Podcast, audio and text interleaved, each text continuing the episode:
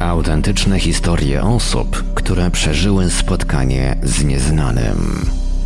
Zacząłem widzieć różne światła, różnokolorowe, w grupach po 2, 3 x teraz w sporej odległości wydawały się być ode mnie. Zagadkowe obiekty, strasznie intensywne, potężne niebieskie światło. To się wydawało tak, jakby to było, nad chmurami było jakieś ognisko tego światła, które przebijało się przez...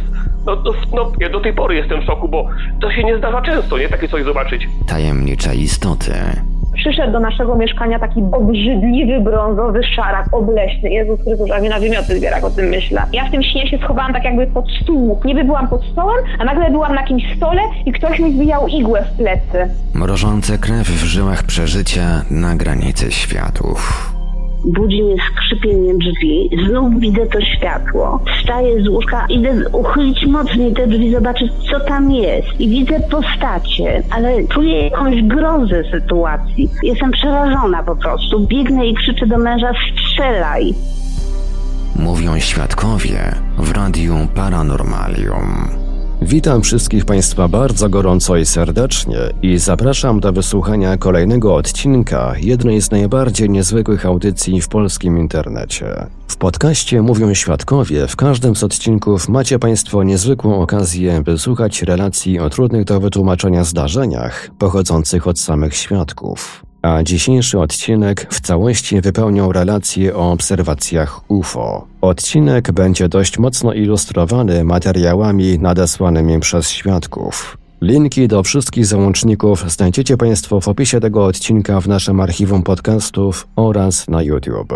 Na dobry początek proponuję, abyśmy zapoznali się z kilkoma niezwykle ciekawymi relacjami nadesłanymi drogą tekstową. Dziwny obiekt podobny do latającego jaja skanuje świadka. Zdarzenie z Lelowa z 1992 roku zgłoszone do serwisu uforelacje.pl. Dzień dobry, mam 44 lata. Zastanawiałem się od dłuższego czasu, czy opowiadać w ogóle o tym, co mi się przytrafiło w 1992 roku. Było bardzo suche lato, bo od końca kwietnia nie padał żaden deszcz. Rano około godziny 5, 5.30 dnia bodajże 7 lipca 1992 roku wstałem i poszedłem do łazienki, aby umyć twarz, zęby i ręce. Gdy wróciłem do pokoju, położyłem się, aby poczytać książkę lub gazetę. Położyłem się na brzuchu i zacząłem czytać. Po dłuższej chwili, gdy już całą uwagą zatopiłem się w lekturze, kątem oka spojrzałem za okno. Wydawało mi się dziwne, że coś czarnego leci wprost w moim kierunku. Pomyślałem, że to ptak i znów skierowałem wzrok na czytany wcześniej tekst. Ale obiektem nie był ptak. To była ciemnozielona, prawie czarna kula. Obiekt opiszę poniżej. Teraz wyszczególnię, czego dokonał obiekt w związku z moją osobą. Obiekt nadleciał przed okno po szerokim łuku od prawej. Zatrzymał się i zaczął się zmieniać. W środku pojaśniał. Ja postanowiłem zejść z łóżka i przyjrzeć się bliżej nieznanemu zjawisku. Gdy wstałem, wtedy obiekt zaczął jaśnieć. Wykonałem jakieś dwa, może trzy kroki i nagle, jakby momentalnie, zostałem uderzony w oczy wiązką oślepiającego światła, która na chwilę zablokowała u mnie zdolność widzenia. Gdy ja nieporadnie próbowałem wykonać kolejne dwa czy trzy kroki dzielące mnie od okna, zarejestrowałem jak przez oślepiającą mgłę, że ten obiekt wypuścił poziomą wiązkę światła i zaskanował moją sylwetkę od głowy do stóp i z powrotem. Po czym zgasł, zmatowiał i jakby rozpłynął się w powietrzu, a raczej przybrał kolor nieba na zasadzie mimikry. Gdy zaczynał matowieć, zauważyłem, że zaczyna się ode mnie oddalać po tej samej trajektorii i w tym samym kierunku, z którego nadleciał wcześniej. Przy czym przylot był o wiele wolniejszy, ale odlot bardzo szybki, wręcz błyskawiczny. Całe zdarzenie trwało może minutę, może ciut dłużej. Trudno to ocenić ze względu na chwilowe oślepienie, czy też może nawet krótkotrwałą utratę pamięci i świadomości. Gdy widzenie mi wróciło, nadal stałem w tym samym miejscu. Obiekt miał kształt kuli, nieco spłaszczonej jak kula ziemska, czyli geoidy, co przypominało w ruchu raczej jajo. Dopiero przy bliższym obserwowaniu widziałem, że to jest raczej geoida niż jajo. Faktura powierzchni była jak błyszczące szkło zmoczone wodą, ale nieco matowe. Mógłbym zaryzykować stwierdzenie, że nawet była to struktura ciekłokrystaliczna. Średnica wynosiła około 50-60 cm podczas przylotu, a podczas skanowania mojej osoby obiekt jakby spuchł i powiększył swoją średnicę o dobre 20 lub 30 cm. Po skończeniu operacji skanowania znowu się zmniejszył i zmatowiał bardziej oraz jakby się zaparował, czy też powierzchnia pokryła się metalicznym nalotem. UFO nad Wronkami w 1989 roku. Relacja udostępniona przez Piotra Cielebiasia, autora kanału UFO Historie. Oto moje relacje odnośnie obserwacji NOL niedaleko Wronek 29 i 30 września 1989 roku. Był to piątek. Wróciłem ze szkoły. Byłem wtedy w drugiej klasie technikum. Zjadłem obiad i wybrałem się rowerem do znajomego mechanika, który naprawiał syrenę siostry. Było po osiemnastej. Pożegnałem się z mechanikiem i pojechałem do kolegi Tomka na Pogaduchy na ulicę obecnie Morelową, wtedy 22 lipca. Spotkałem go bardzo ożywionego przed domem. Słuchaj, krzyknął do mnie, gdy tylko mnie ujrzał. Ojciec przed chwilą mi mówił, że widział UFO nad lasami. A jak wyglądało? spytałem. Miało cztery światła i zaróżowione pod spodem. I tu nakreślił ręką półkole. Niemożliwe, powiedziałem. Mówię ci, że naprawdę to widział. Uśmiechnąłem się i potraktowałem tę relację w kategoriach żartu. Ale po chwili coś mnie tknęło i ciekawość wzięła górę. A co robisz? I czy masz czas? Mam, odpowiedział Tomek. To podjadę do domu, wezmę lornetkę i przyjadę do ciebie. Może się znowu pojawi, to sobie pooglądamy. Dobra, powiedział Tomek. Ja uszykuję aparat fotograficzny i będziemy sobie czekać. Tak jak powiedziałem, tak zrobiłem. Pojechałem ekspresowo do domu, wziąłem lornetkę i wróciłem na Morelową. Ulica Morelowa we Wronkach położona jest na górce nad miastem. Z domów na tej ulicy widać linię lasów. Tomek zrobił kawę. Siedzieliśmy w jego pokoju od strony ulicy. Ojciec Tomka natomiast cały czas obserwował to miejsce, w którym zauważył nol w kuchni. Kuchnia wychodziła na stronę lasów, Puszczy Noteckiej. Nic się nie działo, nic nie zaobserwował. My od czasu do czasu dochodziliśmy do kuchni. Nic nie było można zaobserwować. Zaczął się zmierzch, przyszła noc, nie było widać żadnych gwiazd. Było po 22.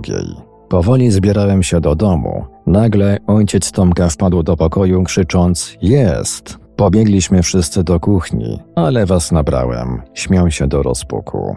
Wkurzeni wróciliśmy do pokoju, usiedliśmy, wzięliśmy po łyku kończącej się kawy. Ojciec zaczął znowu krzyczeć: Jest! Chodźcie szybko. Nie chcieliśmy uwierzyć, myśląc, że znowu nas nabiera, ale ciekawość szybko wzięła górę. Pobiegliśmy do kuchni. No i było. W kuchni przy zgaszonym świetle obserwowaliśmy niesamowite zjawisko. Do dzisiaj, gdy o tym myślę, włosy stają mi dęba. Wtedy też tak było. Obserwowaliśmy nol, tak myślę. Która godzina? Ktoś spytał. Dwadzieścia po dziesiątej, ktoś odpowiedział. Lornetkę oparliśmy na taborecie kuchennym postawionym na stole w kuchni. Nol pojawił się na prawo od komina ówczesnego Wrometu, obecnie Amiki. Rysunek jest poglądowy, ale kolor, kąt nachylenia i wymiary starałem się dobrać jak najwierniej. Widok z lornetki 10 na 50 Carl Zeiss Jena DDR. Pojawiły się światła w postaci owalnej, koloru jasnożółtego, jednak nie od razu. Pojawiły się w kolejności podanej na rysunku numer 1. Odstęp czasu pomiędzy zapaleniem się jednego światła do następnego to około 20-30 sekund.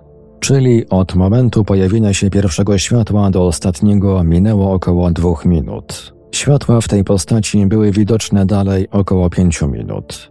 Oglądaliśmy to prawie bez słów, zauroczeni zjawiskiem. Właściwie to byliśmy jak sparaliżowani, ale mogliśmy się poruszać. Nagle zaczęło się coś dziać. Zobrazowałem to na rysunku numer dwa.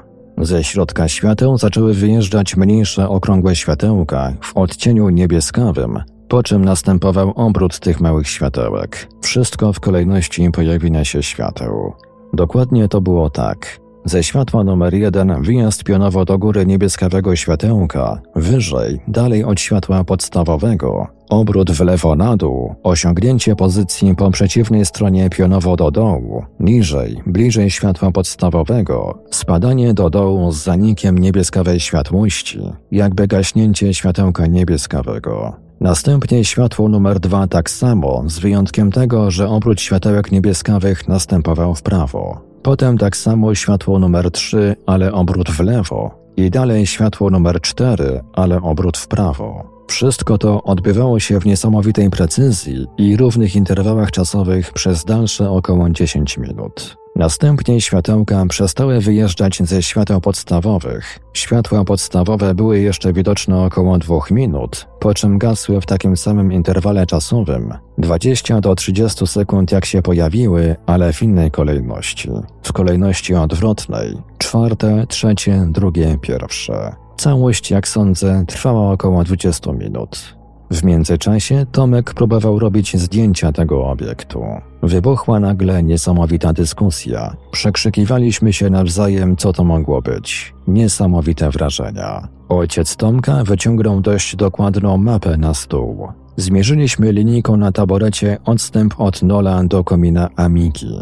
Na tej podstawie wyrysowaliśmy kąt i linię prostą od miejsca, w którym się znajdowaliśmy. Bielawy! krzyknął ojciec. Bielawy to wioska odległa kilkanaście kilometrów od Wronek, którą Niemcy spalili podczas wojny, ale nadal jest oznaczona na mapach. Jedziemy tam, zaproponował ojciec. Obleciał nas strach. Jedziemy i koniec, upierał się ojciec. Spieraliśmy się i dyskutowaliśmy dalej w noc, a noc biegła. A wiedzieliście, jak samoloty latały, jak to się pojawiło? spytał ojciec. Faktycznie, wzdłuż ulicy Morelowej tam i z powrotem na pełnym gazie latała dwójka. Para kontrolna przez cały czas trwania Nola. Nol zniknął, zniknęły samoloty. Coś jest na rzeczy, myślałem. Doświadczenia wojskowe? Być może, ale raczej UFO. A te niebieskawe światełka to jakieś sądy, zwiadowcy. I tak dyskutowaliśmy, aż nagle Nol pojawił się ponownie. Była pierwsza dwadzieścia w nocy 30 września 1989 roku. Światła zapaliły się ponownie w podanej kolejności i trwały około dwie minuty. Nagle w dość szybkim tempie pod światłami pojawiło się mrowie tych małych niebieskawych światełek w formie jakby obłoku owalnego. Potem zaczęły one wjeżdżać w odwrotny sposób do świateł podstawowych. Zbliżały się do dołu światła numer jeden, obrót do góry w lewo i wjazd od góry do światła podstawowego. W kolejności pierwsze, drugie, trzecie, czwarte. Z tym, że numer pierwszy i trzeci obrót w lewo do góry, a numer drugi i czwarty obrót w prawo do góry. Gdy niebieskawe światełka skończyły swój transport do świateł podstawowych, światła nadal trwały jeszcze około dwie minuty, po czym zgasły w kolejności czwarte, trzecie, drugie, pierwsze. Jedziemy tam, krzyczał ojciec. Szybko zbiegliśmy do samochodu. Kuchnia była na pierwszym piętrze. Ojciec już grzał syrenkę. Pojechaliśmy w sam środek Puszczy Noteckiej, do Bielaw. Byliśmy na Bielawach około godziny drugiej w nocy do około drugiej czterdzieści. Nic nie było, niczego nie udało się zaobserwować, nawet gwiazd. Wróciliśmy do domu Tomka. Dyskusja nie ustawała. O godzinie trzeciej dwadzieścia znowu pojawił się Nol. W tym samym miejscu, ale wszystko odbywało się szybciej. Znowu latały samoloty, znowu wyjeżdżały niebieskawe światełka, ale było ich mniej. Nol szybciej zgasł. O godzinie 4.20 znowu pojawił się Nol i tak samo niebieskawe światełka w mniejszej ilości szybciej wjeżdżały do środka świateł podstawowych Nola. Znowu latały samoloty wzdłuż ulicy Morelowej, a sam Nol zgasł też szybciej. Przyszedłem rano do domu kompletnie niewyspany, ale nie mogłem spać. Całą sobotę i niedzielę dyskutowaliśmy, co to mogło być. Był to dla nas szok. Nikt z nas wcześniej takich rzeczy nie widział. W poniedziałek rano poszedłem do szkoły. Z dyskusji z innymi wynikła nagle niespodziewana rzecz.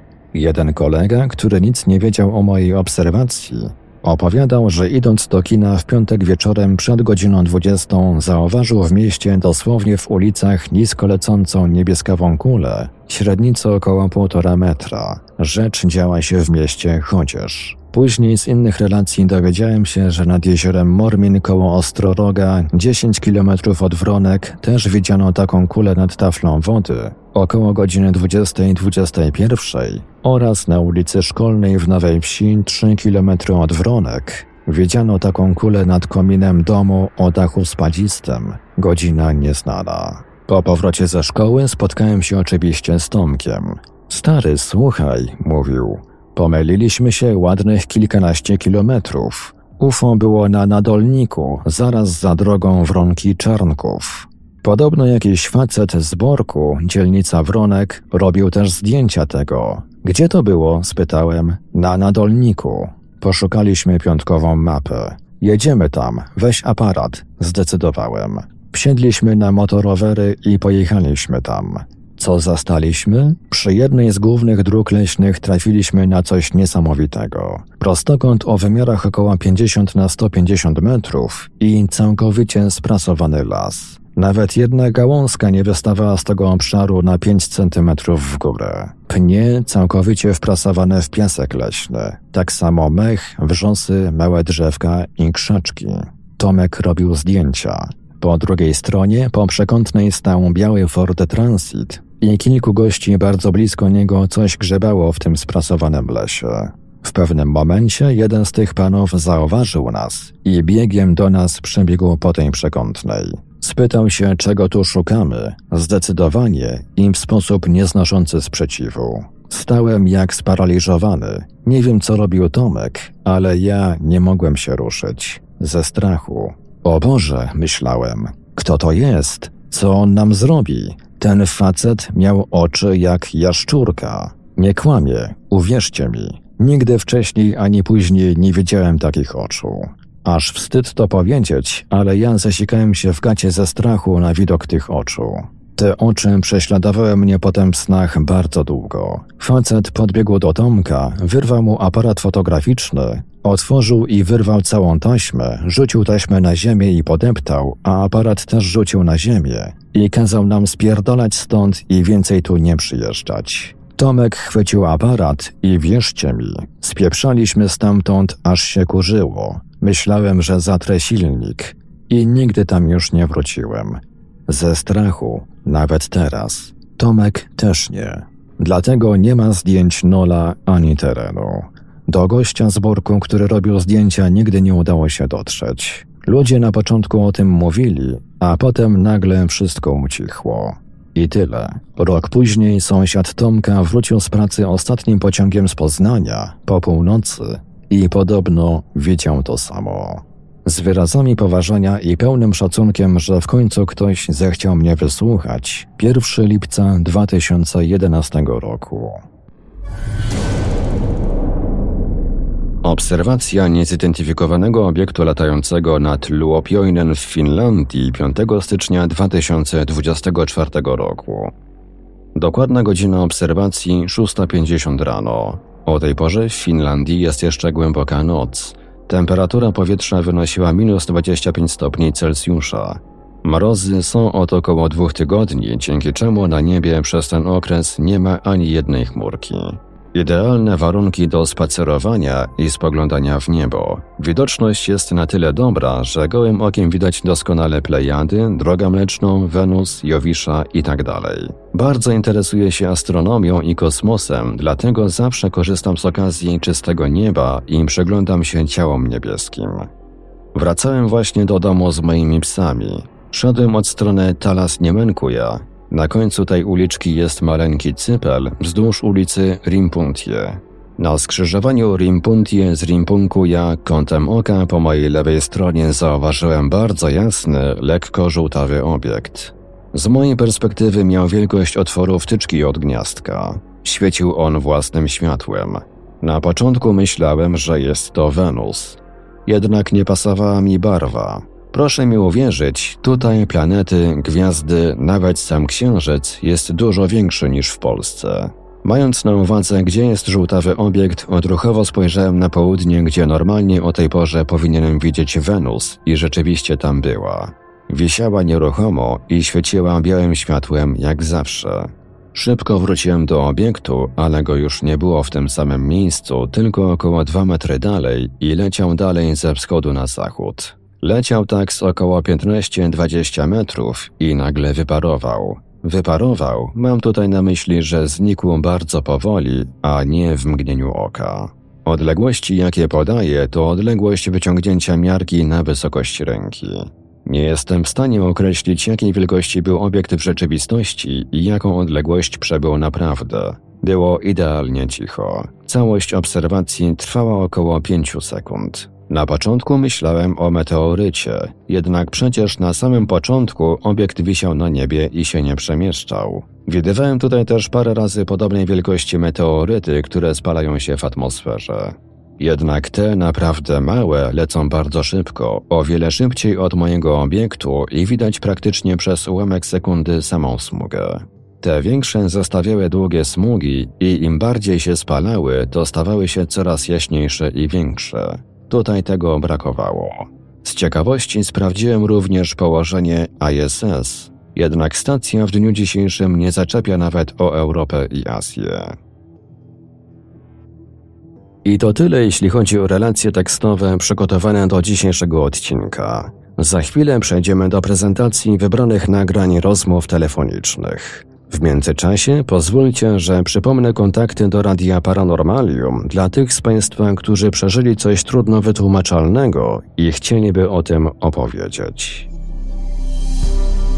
Tych z Państwa, którzy przeżyli coś nietypowego i chcieliby nam o tym opowiedzieć, zapraszamy do kontaktu. Nasze numery telefonów to stacjonarny 32 746 0008, 32 746 0008, komórkowy 530 620 493, 530 620 493, skype radio.paranormalium.pl radio.paranormalium.pl Numer gadu gadu 3608 8002 3608 8002 Czekamy także na Państwa e-maile pod adresem radiomałpa-paranormalium.pl radiomałpa-paranormalium.pl Gdyby przy naszych telefonach nikt nie dyżurował, prosimy o nagranie wiadomości głosowej bądź wysłanie SMS-a. Bardzo prosimy o sprecyzowanie, w jakiej sprawie chcą się Państwo z nami skontaktować. Słuchaczy dzwoniących z numerów zastrzeżonych lub z zagranicy prosimy ponadto o podanie numeru, na który mamy oddzwonić. Wszystkim świadkom gwarantujemy pełną anonimowość. W razie wykorzystania zapisu rozmowy w którejś z audycji istnieje możliwość zmiany barwy głosu. No to skoro kontakty przypomniane, czas zatem przejść do rozmów telefonicznych z naszymi słuchaczami. Na początek tej części audycji proponuję, abyśmy wysłuchali fragmentów kilku rozmów, w których moi rozmówcy opisywali zdarzenia z różnych kategorii, w tym też takie związane z obserwacjami niezidentyfikowanych obiektów latających. Zdarzenie, którego opisu teraz wysłuchamy, rozegrało się około roku 2009 w rejonie Poznania. Na prośbę rozmówcy nie podaje dokładnej lokalizacji.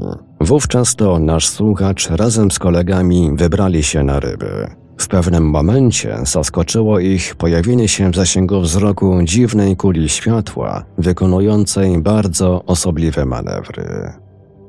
Ja miałem wtedy 16-17 lat, brat jest o mnie 5 lat starszy, już miał prawo jazdy i razem z jego kolegą pojechaliśmy sobie na nockę latem na ryby. I ja odkąd pamiętam, jak jest możliwość, no to patrzę sobie w niebo, no lubię zwyczajnie patrzeć w te gwiazdy. No i siedzimy tak, pamiętam, jak nikt nic nie pił, nikt nic nie brał, żeby nie było. Leżałem sobie na leżaczku i patrzę sobie w to niebo i widzę, że leci biały punkt. No i pierwsza moja myśl, pewnie jakiś satelita. I w pewnym momencie pokazuje tak mniej więcej w ten rejon na niebie palcem i mówię właśnie do brata i do kolegi, mówię, spójrzcie mój w tamten punkt. No i tak patrzą, leci ten, ta biała kropka, ani nie mrugała, ani nic. W pewnym momencie się zatrzymała, zleciała w dół. Wielkością było tak, nie wiem, jakbym na księżyc patrzył. Takiej wielkości, taka kula, biała kula światła, bez żadnego dźwięku, bez niczego. Taki zygzakowaty jakby ruch, taki nagły, e, nagła zmiana. Nie był szybki. On po prostu, ten punkt leciał, normalnie sobie leciał, jakoś tam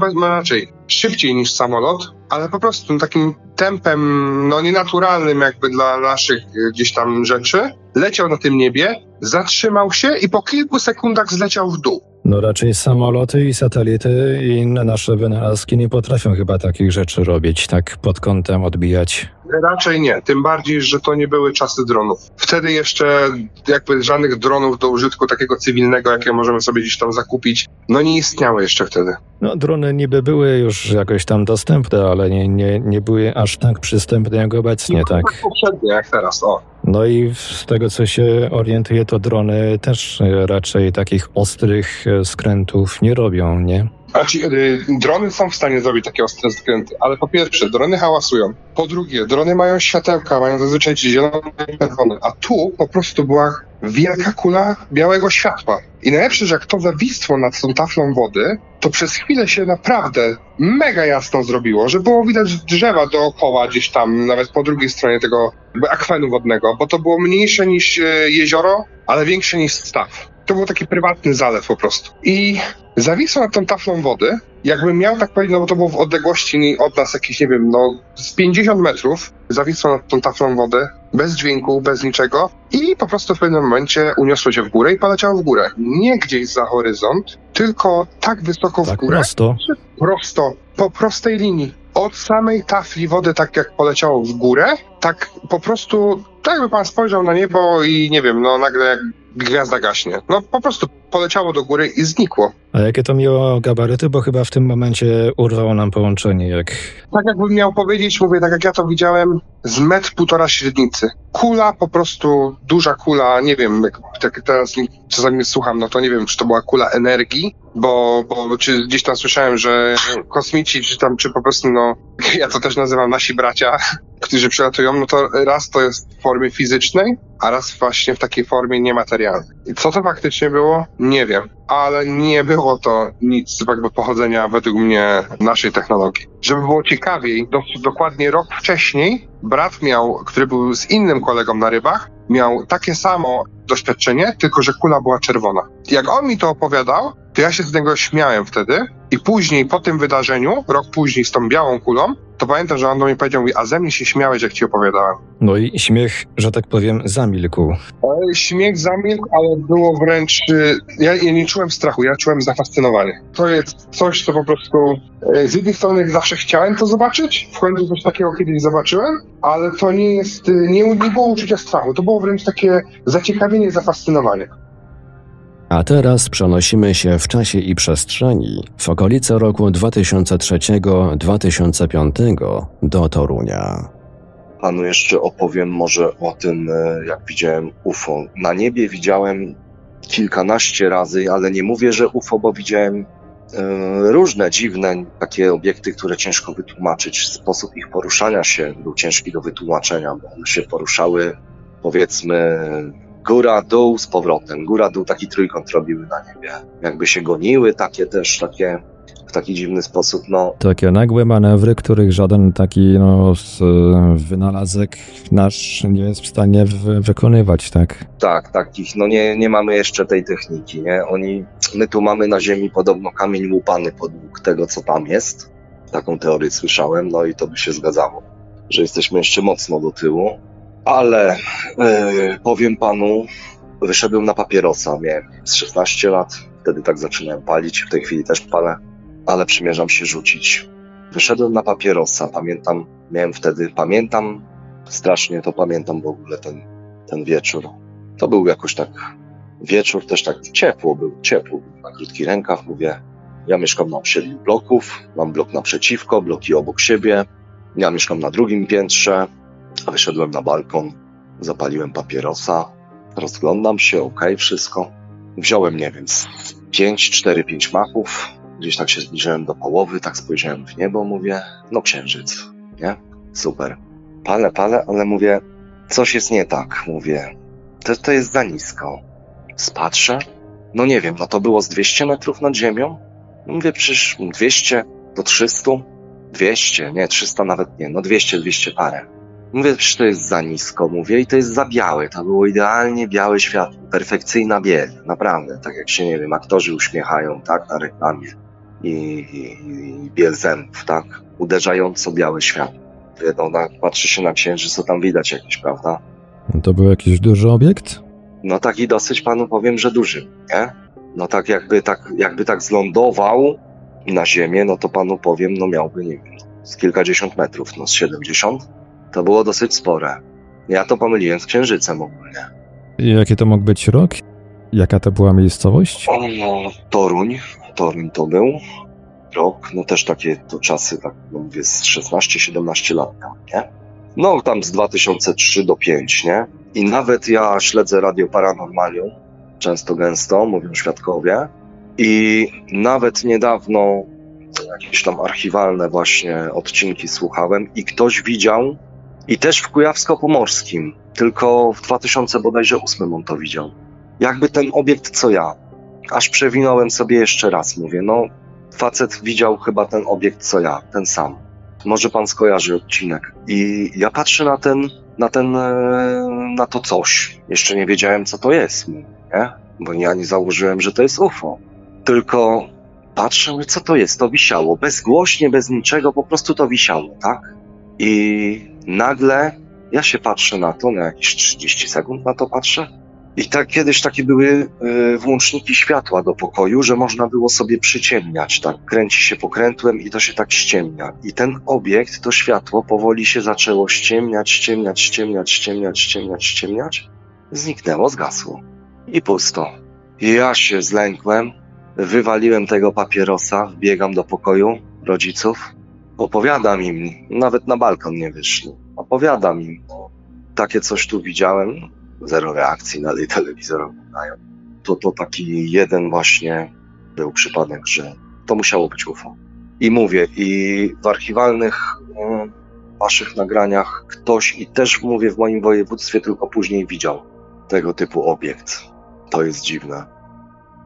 Przenosimy się teraz na Dolny Śląsk. Jak Państwo zapewne pamiętacie, w odcinku 60 autor ostatniej z zaprezentowanych wówczas dość szokującej relacji wspominał również o obserwacji UFO. Już za moment poznamy przebieg tego zdarzenia. Rzecz cała wydarzyła się między Głogowem a Polkowicami.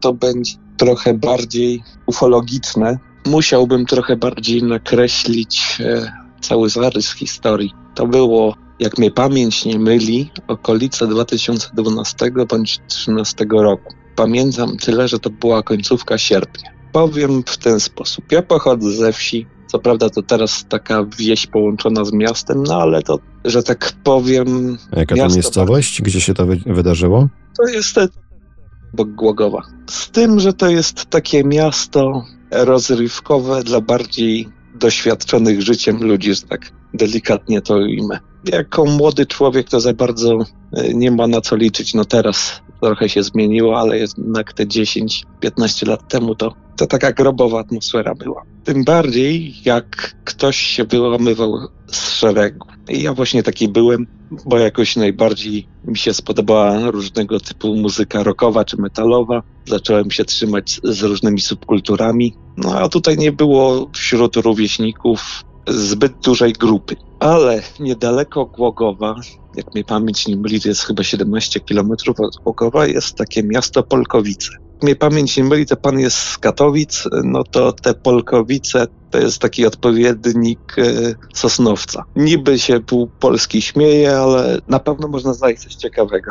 No, niby po polsku się śmieje, a tak naprawdę to współczują.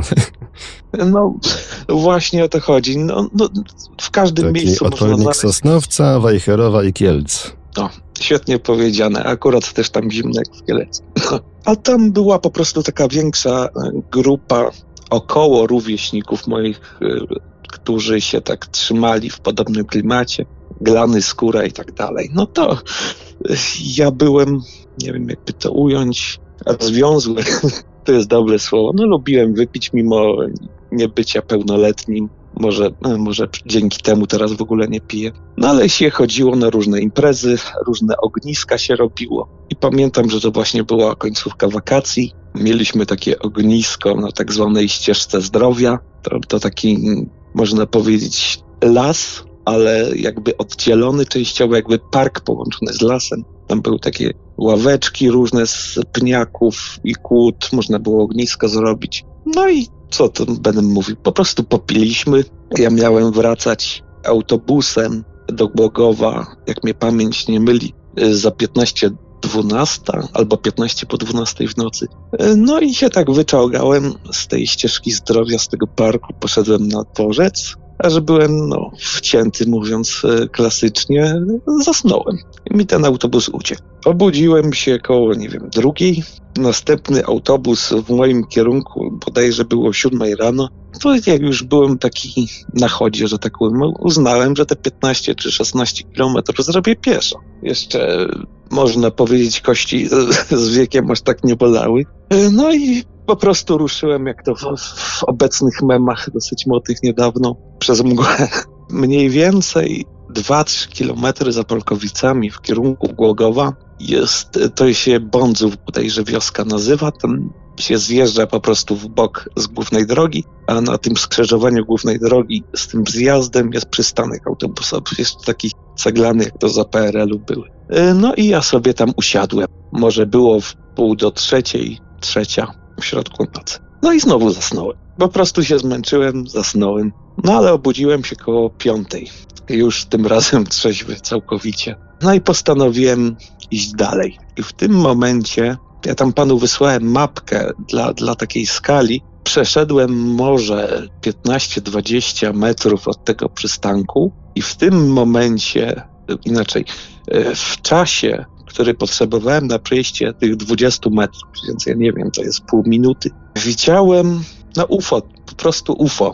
Nie mam pojęcia, czy to było jakieś pozaziemskie, ale po prostu niezidentyfikowany obiekt latający. W, w ciągu tych 30 sekund e, pokonał taką trasę, że musiałby osiągać naprawdę prędkości powyżej dwóch machów. Jak tak e, z czasem sprawdzałem, to nawet 2,5, ale to, do tego dojdę. Po prostu z tej to strony... tutaj to przelot tego obiektu pokazuje, jak rozumiem, ta mapka, gdzie jest duża strzałka narysowana, tak? Tak, tymi zielonymi, tak, tak. Tam jest jedna linia czerwona, a druga zielona. I w tym czasie, jak ja przeszedłem tą trasę czerwoną, to ten obiekt pokonał trasę zieloną, że tak ujmę. Więc to jest. E, no to rzeczywiście dosyć duża szybkość musiała być. No to było półtorej kilometra może? No, może z zawiasami nawet dwa. No, w ciągu pół minuty, no to tym bardziej, że potem to jeszcze przyspieszył. No ale wracając do sedna. Ja nie miałem takiego poczucia, że to jest coś naturalnego, tylko bardziej takie stricte fizyczne, bym powiedział. Na początku myślałem, że to po prostu jakiś nowoczesny samolot. Dopiero, dopiero po jakimś czasie do mnie dotarło, że raczej nie. Nie wiem, jakby to ująć. Zawsze mi się kojarzyło e, z płaszczką, taką, co, co w morzu pływają. To było takie eliptyczne, o średnicy mniej więcej 30 metrów. Do koloru przejdę potem, bo to na osobny akapit się nadaje. Miało taki ogon zwężający się z tej, z tej elipsy w kierunku tyłu. Nie widziałem żadnej kabiny, żadnych okien, żadnych szyb. Poruszało się właśnie z taką prędkością, no, ogromną, nie oszukujmy się, na wysokości, z tego co potem sprawdzałem, około 250 do 300 metrów. Na początku nie wziąłem tego za coś spoza ziemi, że tak to ujmę, ponieważ e, zachowywało się bardzo fizycznie, że tak powiem, w zgodzie z fizyką. Generowało hałas, ogromny hałas. Z tego, co potem czytałem w Wikipedii, nie wiem na ile to się zgadza, to był silnik jakiś, e, nie wiem jak propulsji przetłumaczyć na polski, ale taki e, impulsowy, coś w ten deseń.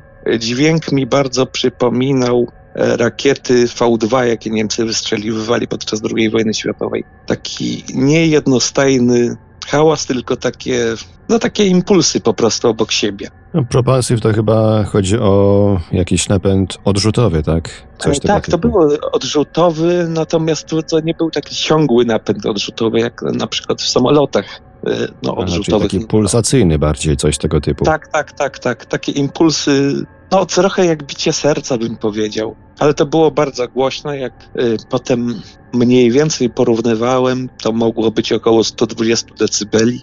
Biorąc pod uwagę, że to przeleciało obok mnie mniej więcej 300 metrów, może nawet 400, tam biorąc pod uwagę wysokość, to przez pół dnia miałem jedno ucho zatkane. Do tego stopnia ten hałas no, zaszkodził mojemu słuchowi. Kolejna kwestia. Dlatego pomyślałem, że to jest coś e, fizycznego, ponieważ można powiedzieć, taka była namiastka smug kondensacyjnych, szczególnie na tej części ogonowej. No, nie wiem właściwie, czy to był ogon, ale na, na tyle tego obiektu. To się tak rozkładało jakby na, na trzy skrzydełka.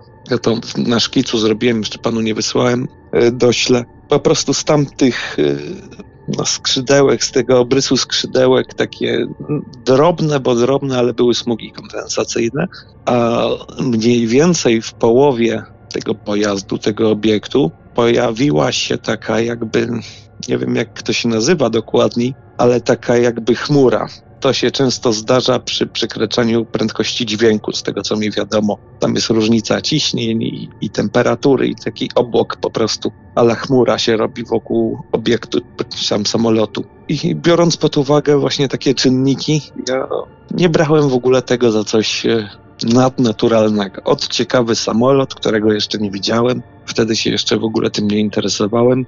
No ale po latach e, doszło do mnie, że brakowało wielu czynników, które mogłyby wskazywać na to, że to jest obiekt ziemski. Pomiędzy innymi brakowało oświetlenia. Z tego co mi wiadomo, to na samolotach na jednym skrzydle musi być zielone światło, na, na drugim czerwone, a na ogonie białe, stroboskopowe. Żadnych oznaczeń nie było po prostu na nim. I kolor.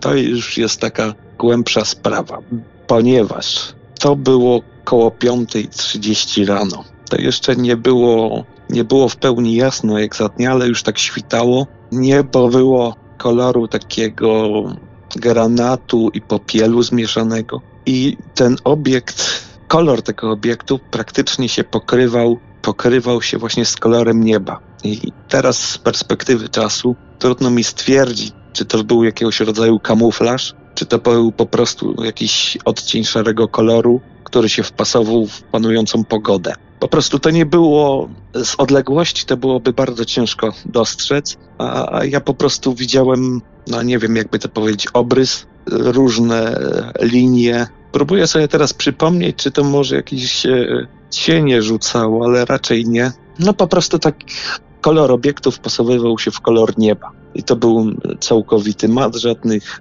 żadnych świateł, jak już mówiłem, nie było. Był straszny hałas, do tego stopnia, że przez pół dnia miałem jedno ucho zatkane. Co ważne, nie widziałem żadnych, żadnych gazów wylotowych z tego silnika bądź silników. Tak samo ten silnik, jakikolwiek silnik by tam był, to nie był widoczny z zewnątrz trudno powiedzieć skąd się wydobywał ten, ten dźwięk, bo po prostu to była jednak te 350-400 metrów odległości, ale skądś dolatywał. Na początku myślałem, że te, te smugi kondensacyjne, co leciały za tymi skrzydełkami z tyłu, to były jakieś gazy wylotowe z silnika, no ale nie. To jednak było po prostu od prędkości i od zmiany ciśnienia. Świadków nie było ze mną żadnych, bo wracałem samemu do domu, ale jeden samochód się zatrzymał i też patrzył, co się dzieje. To była osobówka, jacyś młodzi ludzie i tylko się zapytali mnie przez szybę, czy też to widziałem. Powiedziałem, że tak, no ale pojechali. Myślałem, że może, może zagadam, że się z nimi zabiorę autostopem, no ale pojechali. Tylko zapytali się mnie, czy ja też to widziałem. Warto dodać, że byłem już e, po, ty, po tylu fazach snu, tak powiem, całkowicie trzeźwy. Żadnych narkotyków nie brałem. Jedynie może z pięć piw piłem dzień wcześniej, no, no. Ja tutaj mam takie pytanie odnośnie tej, odnośnie kształtu tego obiektu, tylko będzie to wymagało udzielenia odpowiedzi zerknięcia przez pana na Messengera, bo to skojarzyło mi się z inną relacją też gdzieś tak z 2013 roku. Wysłałem panu okładkę z podcastu, który y, omawia to zdarzenie. Czy to wyglądało podobnie jak ten bumerang nad y, Lublincem? Z takimi jakby trzema zakończeniami z tyłu? To jest taki obiekt jakby z przodu jest okrągły i ma z tyłu jakieś takie, takie trzy dzióbki. Też relacja, w której obiekt sprawiał jakby wrażenie, że, był, że stosował jakiś kamuflaż. Bardziej chodzi mi tutaj o kształt tego. Yy, Okej, okay, teraz dotarło i nie, to nie było nic takiego. To było po prostu jakby, jakby wziąć kształt jajka, elipsę i na tym dłuższym boku tak jakby ogon był doczepiony do jajka. No, no ja wyślę panu szkic, bo, bo to jest, y, no trudno to opisać jednoznacznie. Ten ogon, że tak to ujmę, on się tak rozdzielał na trzy skrzydełka, mi się to kojarzyło jak, jakby była taka broń średniowieczna, to się bodajże Oskardy nazywało. Taka, taka jakby buława z takimi skrzydełkami ostrymi. E, tak jakoś mi się skojarzyło z tym. No ale no mówię, bardzo trudno to opisać, ale no jakiś, e, można powiedzieć, mam dar pamięci fotograficznej, może to wynika z zawodu, ale pamiętam dokładnie jak to wyglądało. I najprościej będzie chyba jak po prostu wyślę szkic. Tak teraz do mnie doleciało, że mniej więcej dwa dni wcześniej rozmawiałem z kolegą i też słyszał jakieś bardzo głośne samoloty. Kolega z Polkowic właśnie, ale niczego nie widział. Tylko, że w środku nocy coś latało bardzo głośnego, a jak wystawił głowę przez okno, to nie było niczego widać. Może to wynikało też właśnie z braku y, jakiegokolwiek oświetlenia na, na tym obiekcie. No chyba, że to po prostu jakiś no, e, wysoko samolot leciał nad linią chmur, no ale z drugiej strony nie byłoby tak głośno, że, że wszystkie okna w domu latają. Tutaj z tego, z tej mapki wynika, że ten obiekt musiał dosyć takiego, taki ostry zakręt zrobić, tak? Jeżeli dobrze rozumiem. Tak, tak, tak. To już można powiedzieć po czasie do mnie doleciało. Zrobiłem, że tak to ujmę, wizję lokalną. Minęło 5 lat, mniej więcej, no 5-4 lata. Pojechałem w to miejsce z dalmierzem laserowym, żeby mniej więcej chociaż określić, jaka to była odległość, jaka była wysokość. Tak mniej więcej też e, sprawdzałem prędkość, z jaką się poruszało. No i do wniosków doszedłem takich, że gdyby to był taki stricte ziemski obiekt na poziomie techniki, jaka jest e, powszechnie znana, bez jakichś tam tajnych projektów, to przy takich e, skrętach pilot bądź piloci zmieniliby się w mielonkę od przeciążenia, bo tam musiało być nawet 15 do 20 G, więc raczej człowiek by tego nie przetrzymał. Takie zwroty po prostu przy takiej prędkości są niemożliwe przy obecnie znanej technologii. No niemożliwe do wytrzymania przez pilota i w ogóle niemożliwe do wykonania przez naszą technologię, tak? No właśnie o to chodzi, bo nawet jeżeli to by był jakiś dron, że, że po prostu nie ma tego słabego czynnika ludzkiego, no to jednak by się rozsypał. To za duże przeciążenia na, na cały ten płat. Ale z drugiej strony kształt bardzo pasował do obecnie znanych zasad po prostu awioniki, że nie wiem jakby to ująć tak zgrabnie, a tak, tak to jest jak się po prostu czyta pracę na ten temat po angielsku, a potem po polsku. Nie działa. Po prostu biorąc pod uwagę powierzchnię nośną tych skrzydeł tego, tego dołu obiektu, to by się zgadzało, że to może latać. Ale właśnie przy takich ostrych skrętach to, to raczej by się rozpadło. Na tej mapce, co panu wysłałem, tam między tymi zielonymi liniami w pewnym momencie jest taka zielona kropka. W tym momencie e, ten obiekt przyspieszył jeszcze bardziej niż wcześniej. Trudno mi powiedzieć o ile, ale bym zaryzykował stwierdzeniem, że około o połowę szybciej niż wcześniej. E, I to było mniej więcej na, no, tak na wysokości tego, co ja, e, ja stałem. Uderzył mnie taki po prostu, coś chyba Sonic Boom nazywa, nie ma chyba polskiego tłumaczenia, że ten taki skondensowany dźwięk w jednym momencie uderza po prostu w, w słuchacza. Polskie tłumaczenie mi to znalazło dosłownie grom dźwiękowy. A no, może bardzo pasuje zresztą grom, bo to tak jakby dźwięk się nawarstwił i w pewnym, w jednym idealnym momencie uderzył i dopiero potem słychać. To właśnie jak przyspieszył, przyspieszył, bo to jakby zwolnił przed tą kropką na mapie, a potem przyspieszył ponownie, to z tego co czytałem, to po prostu przekroczył prędkość dźwięku.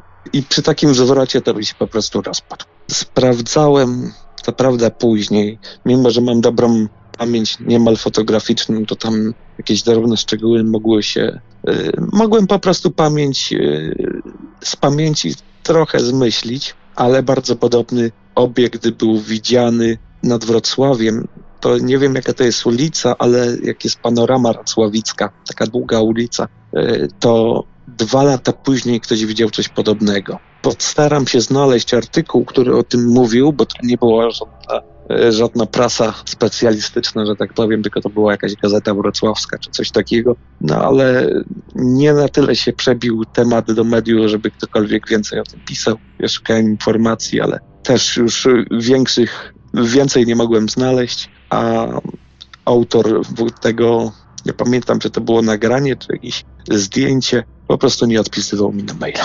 Nie chcę skłamać, ale to chyba był 15 rok tak mi się po, po prostu wydaje, że to było, ta moja relacja pochodzi z tam z 12, a to było chyba 2 czy 3 lata później. Tylko, że przez te 3 lata właśnie, no, pamięć ludzka jest taka, taka sobie, nie jest idealna jak komputer. Ja mogłem jakieś malutkie detale zmienić, po prostu nawet nieświadomie, ale mi się wydawało, że coś podobnego to było. W każdym razie dowiemy się. Ja jeszcze postaram się poszukać, chociaż no to już będzie z 10 lat, trudno będzie znaleźć, ale przynajmniej ten szkic, szkic y, panu prześlę, to może coś się rozjaśni. Mniej więcej od tego właśnie 15 czy, czy 16 roku zacząłem się zagłębiać nad tym tematem ale no mimo te, nawet teraz takiej wiedzy na, na temat takich niewyjaśnionych rzeczy, które się u nas na świecie dzieją, to w dalszym ciągu, mimo że to się nie zgadza z logiką, mam wrażenie, że to było coś takiego pochodzenia ziemskiego. Że to nie był żaden taki, no po prostu kosmiczny statek czy coś. Ja bym to bardziej e, w kierunku wojska kierował, no ale no mówię, ja nie jestem fizykiem, jedynie cała moja wiedza, jaką posiadam, to tam pochodzi z Wikipedii, jakichś tam pojedynczych prac naukowych, więc trudno mi się wypowiedzieć, jakbym był ekspertem. I mimo, że logika właśnie podpowiada, że to nie powinno się dziać, to jednak trzymam się tego, że to było coś ziemskiego. No też coraz więcej ufologów teraz się skłania ku teoriom o takim bardziej, bardziej ziemskiej naturze, przynajmniej części obserwacji tych obiektów niezidentyfikowanych. A takie mam pytanie, do tutaj taką mam ściągę do, do, z pytaniami do relacji o UFO. Jakie wtedy panowały warunki pogodowe? To była końcówka sierpnia, kończyły się wakacje i co prawda jeszcze się dzień do końca nie zaczął, e, ale było ciepło. Nawet nie musiałem tam kurtkę zdjąłem, w koszulce szedłem. Żadnego zachmurzenia nie było większego.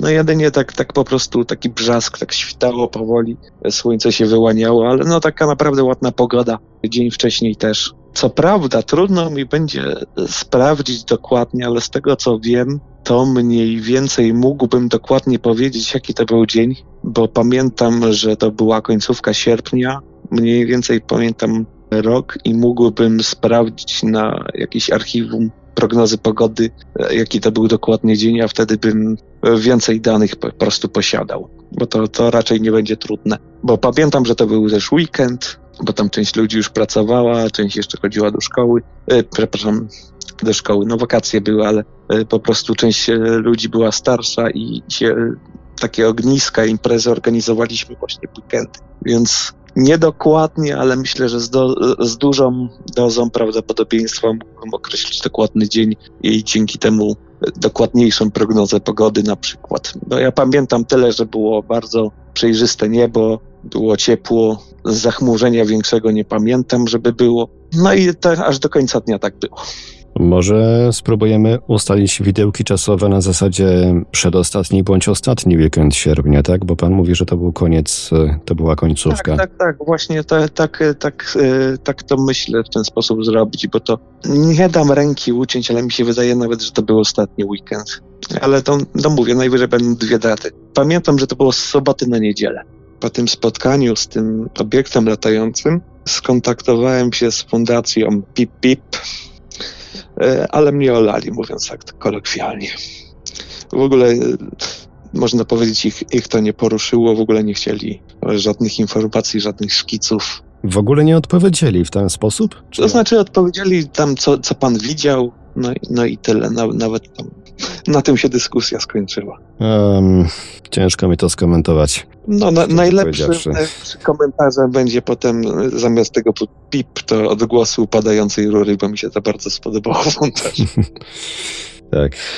To, to, był odgłos chyba wtedy wypikowałem e, w tym dziesiątym odcinku e, odgłosem jakiejś łyżki spadającej do szklanki. No. Mi się, mi się skojarzyło, skojarzyło mi się, ta, ta, taki miałem pomysł, bo e, to jest efekt czas, czasami stosowany w teledyskach hip-hopowych z początku tego tysiąclecia. Flexip list w wersji takiej wideoklipowej dopuszczania w telewizji, tam jest moment, gdzie E, gdzie występuje takie no, niezbyt e, parlamentarne słówko i w tym momencie słówko jest zastąpione uderzeniem łyżki w szklankę.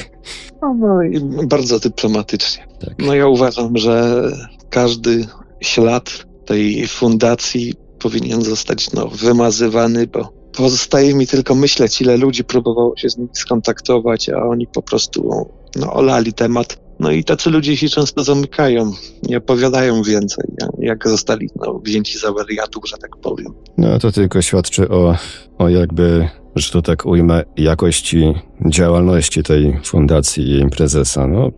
Hmm. Bardziej wartościowy widocznie dla niego jest objazdowy cyrk z miskami jakimiś e, samochodzikami. No, albo, albo rysowanie tego.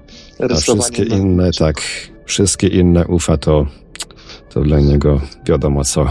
Ale za to można pomnik postawić, tak. jak były jakieś Uzupełnienie od świadka. Podczas sesji regresji hipnotycznej pojawiło się wiele nowych informacji na temat Nola, którego widziałem. Okazuje się, że część pamięci została przypudrowana przez wyobraźnię. Obiekt leciał znacznie wyżej niż zapamiętałem, około 300-400 metrów. To zaburza wyniki moich obliczeń.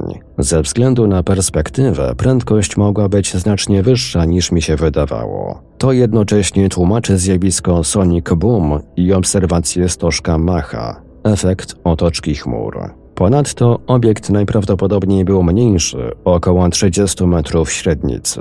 Końcówki płata nośnego skrzydła po przeciwległych bokach były zgięte w dół. I to tyle jeśli chodzi o zdarzenie z rejonu Głogowa i Polkowic. Po krótkim przerywniku przejdziemy do prezentacji najdłuższego z przygotowanych na dziś nagrań, w którym jedna z naszych słuchaczek zawarła opisy kilku bardzo dziwnych zdarzeń z udziałem niezidentyfikowanych obiektów latających. Zostańcie Państwo z nami, z Radiem Paranormalium. Sięgli już dziś po nieznany świat, najstarsze polskie czasopismo poruszające tematy z pogranicza nauki. Artykuły o tematyce paranormalnej, ezoterycznej, ufologicznej i nie tylko. Nieznany świat. Miesięcznik dostępny w punktach prasowych na terenie całej Polski oraz w wersji elektronicznej na platformie nexto.pl. UFO Relacje, polska baza relacji o obserwacjach UFO www.uforelacje.pl. Podziel się już dziś swoją obserwacją. Czekamy na relacje współczesne oraz z lat ubiegłych. Wszystkim świadkom zapewniamy pełną anonimowość. UFO Relacje, polska baza relacji o obserwacjach UFO www.uforelacje.pl. Autentyczne historie osób, które przeżyły spotkanie z nieznanym. Zagadkowe obiekty, tajemnicze istoty, mrożące krew w żyłach przeżycia na granicy światów.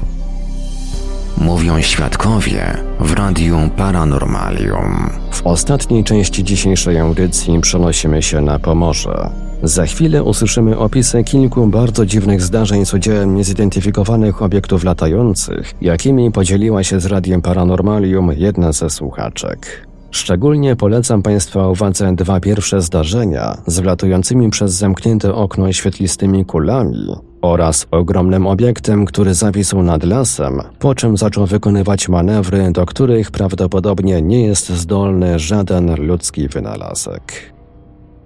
O tych historiach, bo mam dwie, właściwie trzy takie historie, opowiadam bardzo chętnie, mimo że y, ludzie, którzy tego słuchają, uważają mnie za wariatkę oczywiście. Ale to mnie, wie pan, to mnie nie martwi, dlatego że ja wiem, co widziałam, i trudno. Natomiast opowiadam o tym, no bo, bo dochodzę do wniosku, że to jest temat, który, o którym już teraz chyba trzeba mówić. No. Wiemy, że coś się dzieje, że są, ktoś tu przylatuje do nas. No i jeśli pan chce wysłuchać, to bardzo proszę. Proszę pana, więc tak, pierwsza rzecz y, taka bardzo dziwna, która mi się wydarzyła, to ja nie potrafię jej y, powiedzieć, jak dawno to było. Nie było to dawniej niż 20 lat temu dlatego że e, to było w poprzednim miejscu mojego zamieszkania. E, ja mieszkałam w domu, który był wybudowany na skraju lasu, na końcu drogi już. Za naszym domem nie było innych domów, tylko łąki, takie rozległe, rozległe jakieś bagniska. A jaka to była miejscowość? Albo jaki to był rejon, jeżeli pani nie może podać? Proszę pana, to były karczemki pod Gdynią. I w tej chwili te karczemki, to miejsce, gdzie ja mieszkałam, ja sprzedałam dom kilka lat temu, no to to już w tej chwili ta okolica się zamieniła e, właściwie w osiedla domów jednorodzinnych, ponieważ wcześniej były tam pola, które rolnicy posprzedawali, e, podziałkowali, no i teraz już tam wyrosły domy jak grzyby po deszczu. Natomiast wtedy, kiedy ja tam mieszkałam, to mój dom był jedyny w tej okolicy i jak pan patrzył z okna, no to właściwie nic nie było widać, tylko pola i y, dość dziki taki teren zwierząt dużo chodziło. I to nie ma może te, ten, ten cały opis, który teraz y, powiedziałam, nie ma takiego znaczenia w tej y, historii, natomiast tej następnej, która też się wydarzyła w tamtym miejscu, już tak. No i teraz y, już zmierzam do tego, co to było. Było to bardzo dziwne, proszę pana, y, a mianowicie obudziłam się w nocy y, w sypialni, żeby pójść do łazienki miałam cała ściana w sypialni, to było okno, zasłonięte zasłonami. I ja wstając do tej łazienki, uświadomiłam sobie, że na dworze jest bardzo jasno. I też muszę powiedzieć, że e, się nieracjonalnie zachowywałam, jak teraz o tym mówię i myślę o tym, wiele razy o tym myślałam, no to to moje zachowanie było jakieś dziwaczne, dlatego że z tej sypialni na bocznej ścianie było wyjście na werandę taką drewnianą dużą i ja mogłam po prostu, były drzwi, mogłam po prostu wyjść i zobaczyć, co to jest takiego. Ja nigdy nie byłam strachliwa, nie bałam się niczego. Natomiast wtedy podeszłam, pamiętam to jak, bo ja bardzo dokładnie pamiętam e, to wszystko, co opowiadam. Podeszłam do tego okna, nawet nie odsłoniłam zasłony, tylko wie pan, włożyłam tak głowę między zasłony i przed oknem w ogrodzie roztaczał się wielki trawnik. Ja miałam ogromny trawnik, nie wiem, 200 metrów kwadratowych. I na tym trawniku było tak jasno, że ja sobie pomyślałam, no, dlaczego jest tak jasno? Przecież nie ma pełni. Ja zawsze wiem, kiedy jest pełnia, bo w pełni źle śpię. I yy, wie pan, to było tak jasno w tym ogrodzie, że ja kiedyś mieszkałam w Opolu i w Opolu jest y, stadion piłkarski to się nazywa chyba Odra Opole, ta drużyna piłkarska, jeśli jeszcze jest. I tam jak się Jupitery w czasie meczów zapalały, to dosłownie od razu miałam takie skojarzenie, że to jest dosłownie jakby ktoś Jupiter zapalił nad tym ogrodem czy nad domem. Ale to moje nieracjonalne zachowanie. Pomyślałam sobie, no bardzo jasno, bardzo jasno. Głowę zabrałam, zasłoniłam z powrotem okno i poszłam do łazienki, która bezpośrednio do sypialni przylegała. Usiadłam na toalecie, zrobiłam siusiu, proszę pana, wróciłam na łóżko, usiadłam na łóżku i na łóżku, jak sobie pan wyobrazi, że siedzę, to mam okno na wprost przed sobą. I teraz, proszę pana, siedzę na tym łóżku, nie wiem, która była godzina, bo nie popatrzyłam na zegarek. E, mój mąż spał obok mnie głębokim snem, no podejrzewam, że mogła być pierwsza, druga w nocy. I teraz przez to okno, przez zasłony, wpływają do pokoju dwie kulki. One wyglądają, proszę pana, tak, że jedna się unosi, jedna wpływa pierwsza, a za nią wyżej, może 10 centymetrów, wpływa druga. W takim odstępie może też 10-20 centymetrów. I te kulki wyglądają jak piłki tenisowe, które się żarzą, to znaczy wielkości piłek tenisowych i one jak, wyglądały, wie pan, jakby się żarzyły. To było, no nie jak to panu wytłumaczyć. no nie wyglądało to jak żarówka zapalona, a może jak żarówka, która jakiś taki, taki tak się, to światło tak, tak, no trudno mi to opisać, no może jakbym gdzieś widziała jakieś zdjęcie albo symulację, to bym powiedziała, no tak, to tak to wyglądało. No suma Czy to nie wyglądało tak jak ta, ta taka kula dyskotekowa, błyszcząca?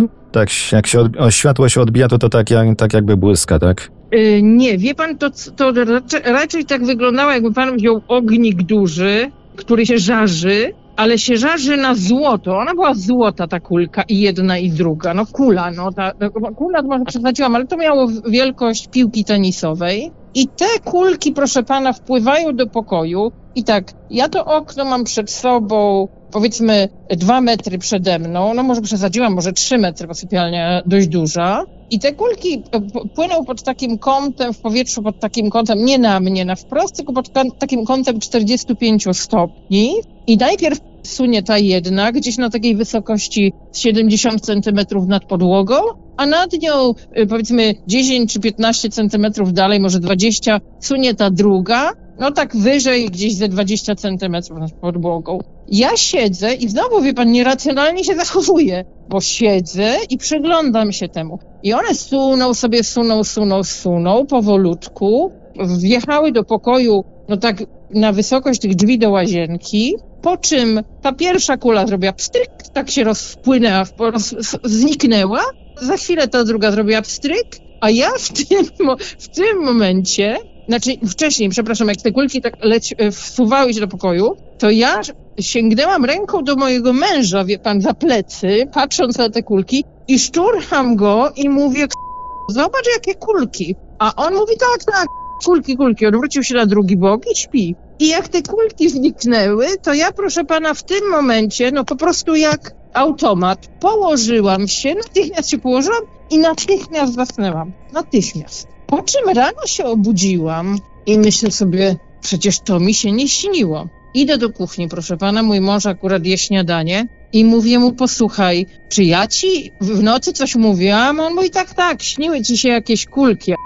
No to mi nie, nie śniło, proszę pana, ja to widziałam. To było bardzo dziwne, nie mam pojęcia, co by to mogło być. No nie, no nie mam pojęcia, ale widziałam to i miałam też świadomość, że się dziwnie zachowywałam, bo normalnie to bym, wie pan, podeszła, stała, rękę wyciągnęła, no nie wiem, po prostu to było nieracjonalne. Ja natychmiast położyłam się do łóżka i natychmiast zasnęłam. Rozumiem, że temu zdarzeniu nie towarzyszyły jakieś dźwięki. E, nie, proszę pana, nic, kompletnie. Była absolutnie, e, też mm, to miejsce, gdzie ja mieszkałam, wie pan, to totalne zadupie. Tam była w ogóle cichutko, cisza była totalna. To tam jedyna rzecz, która była głośna, to tam jest korytarz powietrzny i samoloty, które lecą na Rębiechowo do Gdańska. Rzeczywiście są takie godziny, no teraz już jest tego więcej, bo częściej już te samoloty latają, ale były takie godziny, że rzeczywiście było słychać samolot. E, natomiast nie tak w ogóle, to tam u nas było bardzo cicho, żadne dźwięki temu zjawisku nie towarzyszyły, nie.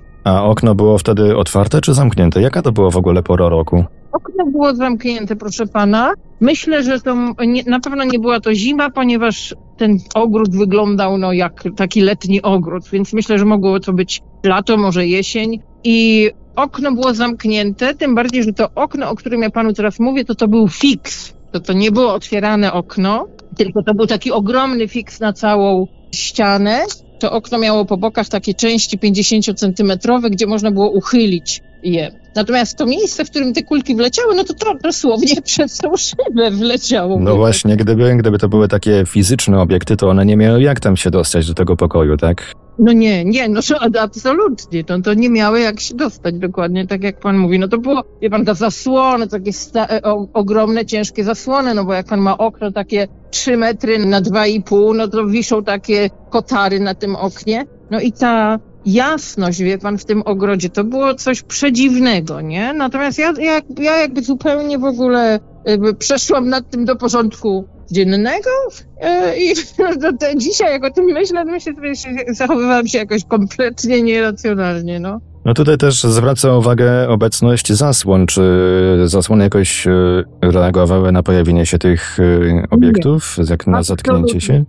W żaden sposób, proszę pana. To po prostu przepłynęło przez okno, prze, prze, przez szybę, przepłynęło przez zasłony, nie, nie towarzyszył temu ani żaden zapach. No, no, no, no nie, no to wie pan, no, nieracjonalna historia zupełnie, no. E, tutaj też takim zwracającym uwagę elementem jest pani zachowanie. Czy miała pani wrażenie, że pani zachowaniem coś w jakimś stopniu steruje z zewnątrz? Nie, wie pan, y, ja nie miałam wrażenia, znaczy ja się troszkę tak zachowywałam, szczerze mówiąc, jak automat, dlatego że ja jestem w ogóle, mm, po pierwsze nie jestem bojąca się, po drugie, no jestem ciekawska pewnie, jakby normalnie, jakby gdzieś, jakbym gdzieś coś zobaczyła, wie pan, że ktoś po tym moim ogrodzie łazi, gdzie tam na końcu świata, no to bym pewnie otworzyła werandę, wyszła, zobaczyła, albo przynajmniej odsłoniła okna, albo nie wiem, krzyku narobiła. Tu, tu, tu, tym razem to było takie bardzo automatyczne. Ja podeszłam do okna, włożyłam tą głowę, wie pan, tą głowę włożyłam między zasłony, jakoś tak idiotycznie zupełnie. Po czym poszłam jak automat do łazienki, usiadłam na kibelku, zrobiłam co miałam zrobić, wróciłam z powrotem, usiadłam na łóżko, znowu nie interesując się w ogóle tym światłem w ogrodzie. No i wtedy siedząc na łóżku, zobaczyłam to, to coś dziwacznego, nie, nie mam pojęcia co to było. Po czym natychmiast się położyłam, no oprócz tego, że oczywiście jeszcze mężowi chciałam e, się pochwalić, żeby obejrzał to samo, nie, nie interesował się tym, e, spał dalej. Po czym się położyłam i, i natychmiast, wie pan, na, jakby mi ktoś urwał film, natychmiast zasnęłam. To, to, to było bardzo dziwne, no nie wiem o co chodzi, naprawdę. Teraz opowiadam tę historię, bo ja ją przeżyłam. To jest prawda, to ja sobie tego nie wymyśliłam, nie przyśniło mi się to, ale co to było, nie, nie wiem, wie pan. No tutaj chwała mężowi, że potwierdził, że to nie była jakby tak. wizja senna, tak? Tak, tak, tak, bo ja no rano, znaczy tak, bo mm, rano, wie pan, wstałam z takim, jak panu opowiem tą drugą historię, którą mam do opowiedzenia, to też miałam podobne wrażenie właśnie, że rano wstałam z takim pomieszaniem i sobie myślałam, co to było przecież to, mi się nie śniło, to nie był sen, ja to pamiętam, no i i, i męża mojego dorwałam w kuchni, on mówi, tak, tak, jakieś kulki ci się śniło. Tak, tak. No także nie, nie mam pojęcia, wie pan, co to było. E, ja o tej pierwszej historii, którą panu opowiedziałam, to w zasadzie o niej z nikim nie rozmawiałam i przez wiele lat ona mi w ogóle z głowy gdzieś wyparowała, bardzo szybko. I niech pan sobie wyobrazi, że po kilku latach, bo nie, bo nie wiem jaki, nie, nie chcę pana okłamać, więc nie wiem jaki upłynął okres od tego pierwszego wydarzenia do tego, które teraz opowiem. W ogóle mnie nie interesowała tematyka UFO, proszę pana, ani latające statki, ani tyle, że to jakby, no nie interesowało mnie to. Miałam różne inne zainteresowania w życiu, tym się w ogóle nigdy nie pasjonowałam, ani nie zajmowałam. Natomiast teraz jestem pierwszą entuzjastką tego tematu, zaraz panu powiem dlaczego, po tym właśnie wydarzeniu. Ja miałam, e, to było proszę pana w lipcu, w 2016 roku w nocy z soboty na niedzielę i wydaje mi się, że to była noc z 11 na 12 lipca albo z 15 na 16, jakoś tak. Ja opowiedziałam o tej historii, bo później zadzwoniłam po kilku dniach do e, Fundacji i tam była jakaś pani, ja jej o tym opowiedziałam, bo ja nie mogłam sobie z tym poradzić, wie pan, więc chciałam o tym komuś opowiedzieć. Natomiast ta historia wygląda następująco. Ja miałam w tamtym czasie interes w chałupach na Półwyspie Helskim.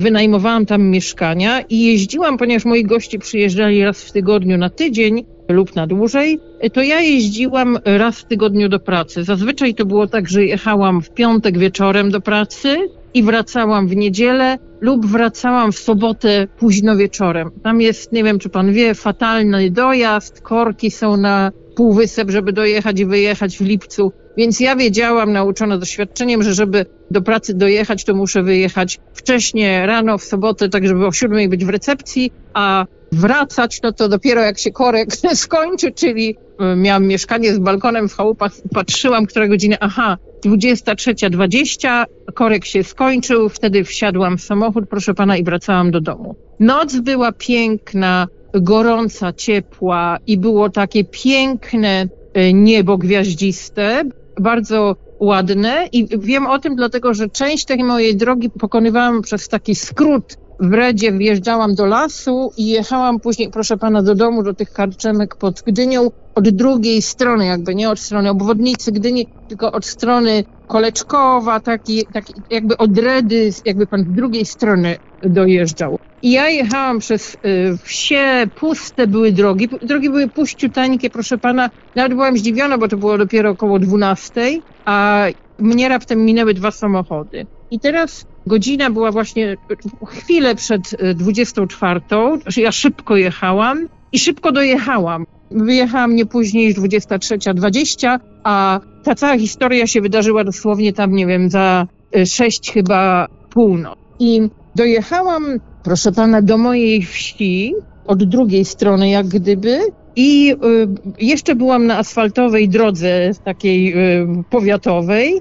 Jak chciałam skręcać w prawo, przede mną była tak na godzinie drugiej stacja benzynowa i ja przed tą stacją benzynową zwolniłam, bo właśnie zjeżdżałam w taką asfaltową, wąską drogę już tam między domami jednorodzinnymi, bo to już była ta wieś, w której mieszkałam. I w tym momencie, jak zaczęłam zwalniać przed tym zjazdem, to nad stacją benzynową, która była na godzinie drugiej, nie dalej jak 50 metrów ode mnie, zauważyłam, y, proszę pana, rząd kolorowych świateł i byłam przekonana, że to samolot.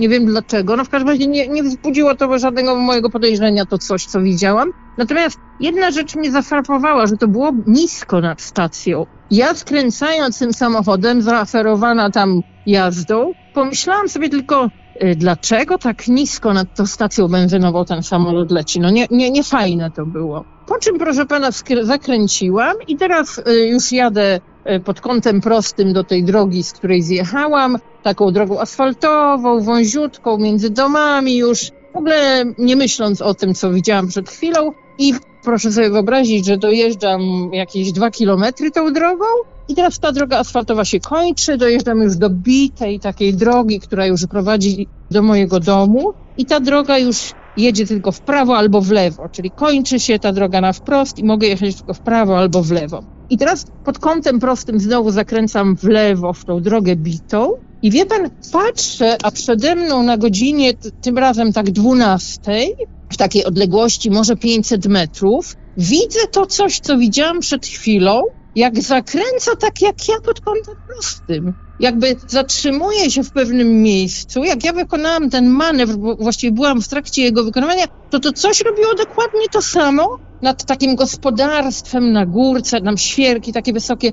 Ja, wie pan, widzę to i myślę sobie, samolot zakręca pod kątem prostym, co to jest? Wie pan, to było przedziwne, to jakby, no, ten manewr w powietrzu, to mi w ogóle nie zapasowało. Ale to coś zniknęło za tą góreczką, za tymi świerkami, e, jakby pojechało dalej. No i ja znowu przestałam o tym myśleć i teraz jadę dalej. Jadę, proszę pana, jakieś 200 metrów, taką już drogą, już trzeba jechać wolno, 30 na godzinę. Do mojego domu jest jeszcze, e, powiedzmy, 200 metrów. I w pewnym momencie tam po drodze do domu przejeżdża ta droga przez takie wyschnięte jezioro, takie łąki po prawej i lewej stronie, bagniska takie i żeby to panu dobrze opisać, ja siedzę w samochodzie, po prawej stronie jest to wielkie bagnisko, po lewej stronie są pola łąki, ja jadę tą bitą drogą i teraz to bagnisko po prawej stronie w pewnym momencie się skończy taką skarpą, powiedzmy dziesięciometrową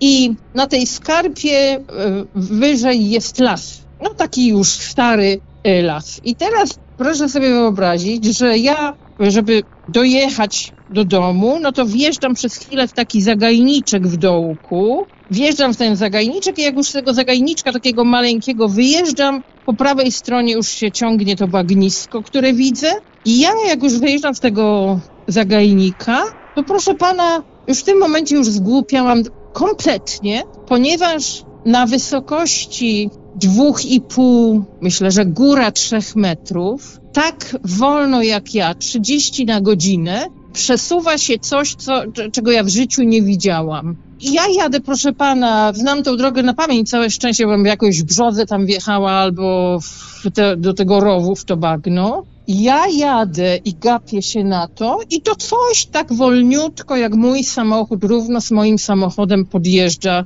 razem ze mną, jakby sunie w powietrzu. w odległości, myślę, nie większej niż 50 metrów. I w pewnym momencie na tej wysokości, gdzie ta skarpa się zaczyna i ten las, a bagnisko kończy, to coś się zatrzymuje i ja się też zatrzymuję. I pamiętam, radio grało w samochodzie, proszę pana, i pamiętam, że ja miałam telefon komórkowy na, gdzieś tu pod ręką, a później go nawet położyłam na, na desce rozdzielczej. Natomiast to stoi, ja stoję i opuściłam, pamiętam, że zanim wyłączyłam silnik, to opuściłam e, szybę z prawej strony, od strony pasażera, żeby to dobrze widzieć i słyszeć. I wyłączyłam silnik.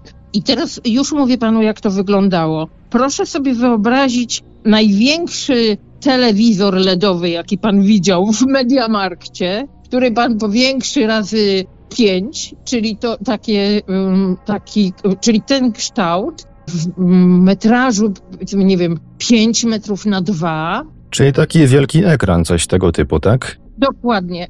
Proszę sobie wyobrazić cztery albo pięć takich ekranów ustawionych jeden za drugim, jak pociąg, i każdy z tych ekranów, proszę pana, się świeci innym światłem. I to światło jest takie inne, takie LEDowe. Jeden ten ekran był taki LEDowy niebieski, drugi, proszę pana, był czerwony, trzeci był taki złoto-żółty, był zielony i ja teraz nie wiem, czy był piąty, czy nie. Nie dam ręki. Ja nie wiem, czy ich było. Ja zapamiętałam te kolory, a one, te ekrany, zmieniały kolor. To znaczy, tak jakby pulsowały co chwilę innym kolorem. Jakby ten kolor, no po prostu zmieniał się kolor w takiej częstotliwości, tyn, tyn, tyn, tyn, tyn, tyn, tyn, dosłownie częściej niż co sekundę. I to było ogromne. Wie pan, to było wielkie. To było, proszę pana, myślę, że jakby pan postawił tir z naczepą, to to by było większe w sumie te, niż długość. Myślę, jak dwa tiry z naczepą. To było ogromne, wie pan. To było nad tym całym bagniskiem y, się unosiło. Tak nisko, to było coś jakieś absurdalne, wie pan, bo to, y, to było nisko nad ziemią, żeby to było, nie wiem, 50 metrów nad ziemią. A to było dosłownie, myślę, że nie wyżej niż 3 metry nad ziemią. I ja w pewnym momencie zapytałam siebie, czy to wydaje jakiś odgłos i tak, to, to proszę pana wydawało taki odgłos jak wentylator. Jakby pan włączył duży wentylator. E, ja kiedyś zabłądziłam w hotelu i poszłam do, na jedno piętro za nisko i zeszłam do centrali wentylacyjnej. I to tak, tak hałasowało jak ta centrala wentylacyjna w tym hotelu. I proszę pana... Takie buczenie, tak? E, nie buczenie, to było mniej niż buczenie, delikatniejsze niż buczenie. To raczej była taka wibracja na. na Może coś, tak, coś takiego przypomina mi się teraz e, motyw powtarzający się w innych relacjach, że to brzmiało tak jakby takie buczenie pszczół, buczenie roju pszczół, coś tego E, typu? No, e, czy jak, czy jak wentylator po prostu. Nie, e, to, to nie było chyba buczeniem, tego nie nazwała buczeniem, tylko właśnie jakby włączył jakiś ogromny wentylator. No, no, no to jedyne, naj, takie najbardziej, co mi się, e, naj, najlepiej mi się to e, kojarzy z, z, z takim odgłosem wentylatora. I to, y, wie pan, ja stałam, może to trwało minutę. No też się, no wie pan, normalnie to by człowiek, wszyscy, którym później o tym opowiadam, a już teraz opowiadam o tym, kto chce słuchać, to każdemu opowiadam, to mnie pytają, no a dlaczego nie zrobiłaś zdjęcia? Ja wiem, dlaczego nie zrobiłam zdjęcia, wie pan? Dlatego, że ja akurat o tym pomyślałam, że ja to powinnam sfotografować, ale bałam się, że jak ja zacznę tutaj szukać telefonu, kombinować, gdzie tu to zdjęcie, otwierać go, to to mi zniknie. Po prostu gapiłam się na to, chciałam się napatrzeć na to. Czego dzisiaj żałuję, no bo gdybym zrobiła zdjęcie, to miała jakiś dowód tego. No, z, dwo- z drugiej strony zobaczyła pani dzięki temu więcej szczegółów, tak? Znaczy, ten sposób. nic innego nie widziałam na tym, bo to było nisko przecież nad horyzontem, na tym tle tego czarnego, granatowego nieba i tych krzaczorów, to nic w zasadzie innego nie widziałam, tylko te telewizory ogromne. I proszę pana, to jeszcze później mi ludzie mówili, może drona widziałaś, może to. I może ja bym, wie pan, przyjęła taką opcję, gdyby nie to, co się wydarzyło na końcu. To coś ogromnego, ten ogromny obiekt w pewnym momencie Gdyby to dłużej tam było, wie pan, to ja bym wysiadła z samochodu i poszła, to po prostu bliżej do tego podeszła, ale to trwało za krótko, żebym ja się ogarnęła w ogóle. I to gdzieś minutę trwało i po tej minucie to wielkie coś ustawiło się pod kątem 45 stopni w powietrzu, tak jak ta skarpa przed tym czymś, ta przed lasem, po czym, no to było niebywałe, wie pan, to było niebywałe. Po czym, proszę pana, tak jakby ktoś z procy strzelił, ten ogromny obiekt z takim jakimś kosmicznym przyspieszeniem uniósł się na taką wysokość nad las, znowu się zatrzymał, jakby pan zatrzymał po prostu, w, wie pan, pendolini w, w jednej sekundzie, w jednym miejscu, to się zatrzymało nad tym lasem, wyprostowało i znowu wystrzeliło. Ja już jak to zobaczyłam, to już w ogóle zdurniałam, bo ja, wie pan, no nie wyobrażałam sobie, że ktoś się w ogóle może poruszać w taki dziwaczny sposób, z takim przyspieszeniem na takim dystansie niewielkim, bo to się może 20 metrów nad ziemię uniosło w, po prostu w ciągu, y, nie wiem, jednej tysięcznej sekundy, po czym się tam zatrzymało, wyprostowało jakby, poziomo znowu nad ziemię i znowu wystartowało tak, że, że, że tylko mi śmignęło. No, szybkość to jest jedno. Co tutaj jeszcze takim ważnym elementem są gabaryty tego obiektu. No, trudno oczekiwać, żeby taki duży obiekt w takim szybkim, w takim krótkim czasie zrobi takie manewry, tak? Wie, wie pan, to był, ja słowo honoru, wie pan, że jak ja do dzisiaj, jak ja o tym opowiadam, to ja, mnie się to nie mieści cały czas w pale, mimo że ja oglądam już od tego czasu dużo filmów, tam różne rzeczy ludzie pokazują. Ale wie pan, ja byłam tak, tak byłam oszołomiona, że przyjechałam do domu, a od, od, od, tego miejsca do mojego domu, do tego ogrodu, gdzie to, ta historia pierwsza się wydarzyła, no to dosłownie jest 50 metrów. Wobec tego już jak się zaczyna ten las, to po lewej stronie jest mój dom. Podjechałam do domu, weszłam do domu i moja córka z moim mężem następnego dnia rano do Helsinek lecieli i mąż już spał, a córka jeszcze się pakowała. I ja idę do niej i mówię, słuchaj, dziecko, no nie uwierzysz, co ja widziałam. Widziałam UFO nad łąką. No bo to jedyne, co do głowy, że to jakieś UFO, wie pan. Na co ona mówi,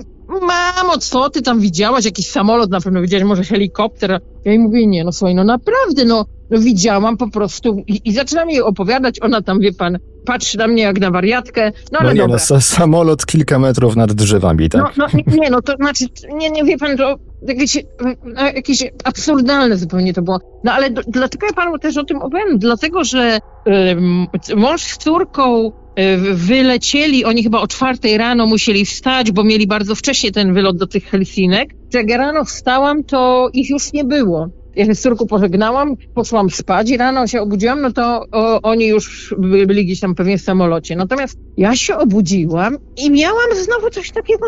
Myślałam sobie, Jezu, czy mi się to śniło? Co to, co było, wie pan? Miałam takie, e, jakby sama sobie nie wierzyłam. Po czym dzwoni po dziewiątej córka i mówi, mamo, już jesteśmy, wylądowaliśmy, wszystko jest w porządku. I ja i moje dziecko, czy ja ci wczoraj coś mówiłam wieczorem? A ona mówi, tak, mówię, że UFO widziałaś. Ja sobie myślę, o cholera, to to było. Więc wie pan, miałam takie dziwne coś z głową mi się porobiło. I później przyjechała moja najstarsza córka, ja jej to opowiedziałam i ona mówi, mamo, kurczę, a ona jest taka, wszystko ją interesuje i mówi, czekaj, ja ci zaraz otworzę na YouTube film, oglądaj. I teraz, proszę pana, najciekawsze, zaraz panu powiem. Ja siedzę, wie pan, w tej kuchni taka sfrustrowana, myślę sobie, no to po prostu każdy mnie teraz za wariata weźmie, no ale trudno. Oglądam te filmy, no i tam no, nie wiem, gdzie ten film jest, bo jakbym go wiedziała dzisiaj, gdzie on jest, to bym panu wysłała ten fragment. W każdym razie do to wysłałam. I wie pan, oglądam, to siedzę, godzina już leci, tam taka, taka składanka różnych nagrań, no to widać, że fake, to ktoś samoloty. Ja też wiem, wie pan, jak wygląda samolot schodzący do lądowania na niebie w nocy. On z daleka tak wygląda, ojej, coś dziwnego. I jak pan zrobi zdjęcie, to tak wygląda coś dziwnego. A to nie jest nic dziwnego, to są światła, które się tak układają w jakiś taki dziwny rąb. I rzeczywiście, no i dużo takich nagrań. I myślę sobie, Boże, co to za bzdury tutaj ludzie pokazują. I w pewnym momencie, proszę pana, spadłam z krzesła. Ponieważ w pewnym momencie, w tych nagraniach tych różnych innych filmów, jest takie nagranie takiego burego, zachmurzonego nieba w dzień i ktoś, proszę pana, nagrywa na tle tego nieba, na tych chmur, taki, wygląda to jak stalowy dysk. I ten dysk, proszę pana, przez środek ma takie e, telewizory, które tak dokładnie, identycznie tak pulsują jak to, co ja widziałam. Ja nie widziałam żadnego dysku, proszę pana. Ja widziałam tylko te telewizory, ale to wyglądało dosłownie identycznie. I mówię córce mojej, posłuchaj, to wyglądało tak samo, popatrz, jak to, ty, no popatrz na światła. A ona mówi, ty słuchaj, no to może tam było coś, tylko to ty nie widziałaś w nocy tego, może... Nie wiem, proszę pana, nie mam pojęcia, to już nie, nie chcę tu dobudowywać żadnej teorii, ale to, te światła, jakby te telewizory migocące wyglądały identycznie. I one pulsowały w tym samym takim pim, pim, pim, pim, pim, pim. To było to, to dosłownie coś takiego, nie? Te ekrany wyglądały jakby tworzyły razem pewną całość, krótko mówiąc. To znaczy, tak, tak, to wyglądało, wie, wie pan, jak pociąg połączonych wagonów, jak, jakby, jakby te telewizory były, one były blisko siebie, to tak jakby pan obok, jeden obok drugiego ustawił, nie? I to tak, to dokładnie, to nie wyglądało, że one były y, jeden, jakiś odstęp, drugi, nie, nie, nie, one były blisko siebie, jeden obok drugiego stały jakby, nie? No i teraz ja myślę sobie, rany Julek, no, y, mówi, słuchaj, na pewno ktoś się musi tym interesować, ty zadzwoń gdzieś. I znalazła, proszę pana, organizację. Tam jakaś pani odebrała ode mnie ten telefon, ja jej to opowiadam, jak ta kobieta mnie zaczęła przesłuchiwać, powiem panu, to, to było ciekawe, ponieważ ona mnie zapytała, czy ja byłam w tym miejscu, gdzie ja to widziałam. I ja jej powiedziałam, nie, proszę pani, mi by nawet do głowy nie przyszło, żeby tam iść, bo to jest bagno, tam są, tam jest woda, to ja musiała chyba wodery ubrać i tam, tam są jakieś krzaczory. No nie, ja tam nie byłam. Jak było to daleko? Jakie to były kolory tych prostokątów? Y, o wiele rzeczy mnie ta pani zapytała, włącznie z, ze zdjęciem tego miejsca, w którym to się odbyło. Ja zrobiłam takie panoramiczne zdjęcie, które już dzisiaj by wyglądało zupełnie inaczej, no bo teraz już są tam domy i ulica i tak dalej, ale wtedy to było zupełnie dzikie to miejsce i jak komuś to później opowiadałam, bo wie pan, ja byłam też bardzo zafrapowana, pomyślałam sobie, ja mieszkam w takim miejscu, gdzie jest jezioro, da, trochę dalej tam na wysokości gospodarstwa są jakieś domki nad jeziorem letniskowe, ludzie mają i tak dalej. Myślę sobie, no przecież ktoś to musiał widzieć oprócz mnie. To jest niemożliwe, żeby w lipcu o 12 w nocy wszyscy spali w wakacje. Wie pan, ludzie grillują, nie wiem, ogniska palą, kąpią się w, w jeziorze, nie wiem co jeszcze. No i zaczęłam pytać moich sąsiadów, czy czegoś nie widzieli. Oni wszyscy patrzyli na mnie jak na wariatkę, ale po dwóch dniach się zdobyłam na odwagę i myślę sobie, pojechałam na stację benzynową, na której mnie wszyscy znali oczywiście ci pracownicy, bo ja tam mieszkałam na tej wsi, tankowałam się na tej stacji. I był tam chłopak, który zawsze wiedziałam, że dyżuruje w soboty w nocy. No i podchodzę do niego taka trochę skrępowana i go pytam, pan tu był w nocy w sobotę? A on mi mówi, byłem. A ja mówię, a widział pan coś dziwnego na niebie? A on tak patrzy na mnie, wybałusza oczy i mówi nie, a co, UFO pani widziała? No więc ja powiedziałam, no nie, no to nic, to dziękuję i poszłam. I proszę pana, później jeszcze moją sąsiadkę wyhaczyłam, która mieszkała z drugiej strony, dom wyżej położony niż mój. Czy ona coś może zwróciła na coś uwagę? Ona też. Zapytała mnie, dlaczego ja jej to opowiedziałam i ona powiedziała, wie pani co, to ja powiem to ona ma męża, który w marynarce wojennej służy zawodowo. No i ten ten mój sąsiad przyleciał następnego dnia i mówi do mnie, pani, pani mi to opowie dokładnie.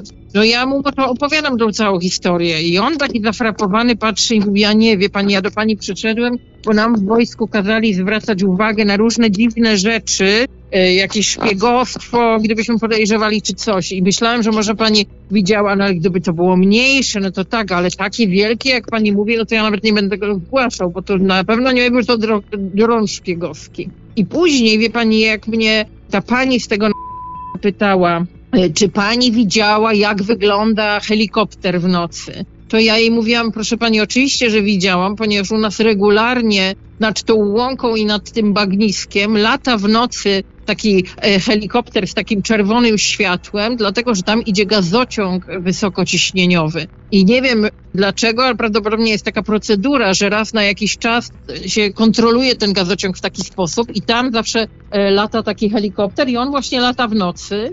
Więc ja widziałam wielokrotnie, mało tego słyszałam, wie pan, jak, jak hałasuje helikopter, jak leciał e, nad tą łąką, no to się chałupa cała trzęsła, szyby w oknach. Później ona mnie pytała, czy ja widziałam, jak wyglądają samoloty, które schodzą do lądowania. No tak, no oczywiście, że widziałam, bo nad nami jest dokładnie korytarz powietrzny. One nie są wprawdzie nisko, te samoloty, tylko wysoko, no ale, ale wiem, jak wygląda samolot schodzący do lądowania, jasna sprawa. czy ja widziałam drona. No ja widziałam drona, proszę pana, ale ja nie widziałam drona wielkości połowy pociągu. To ja nie widziałam takiego drona. Może są takie drony.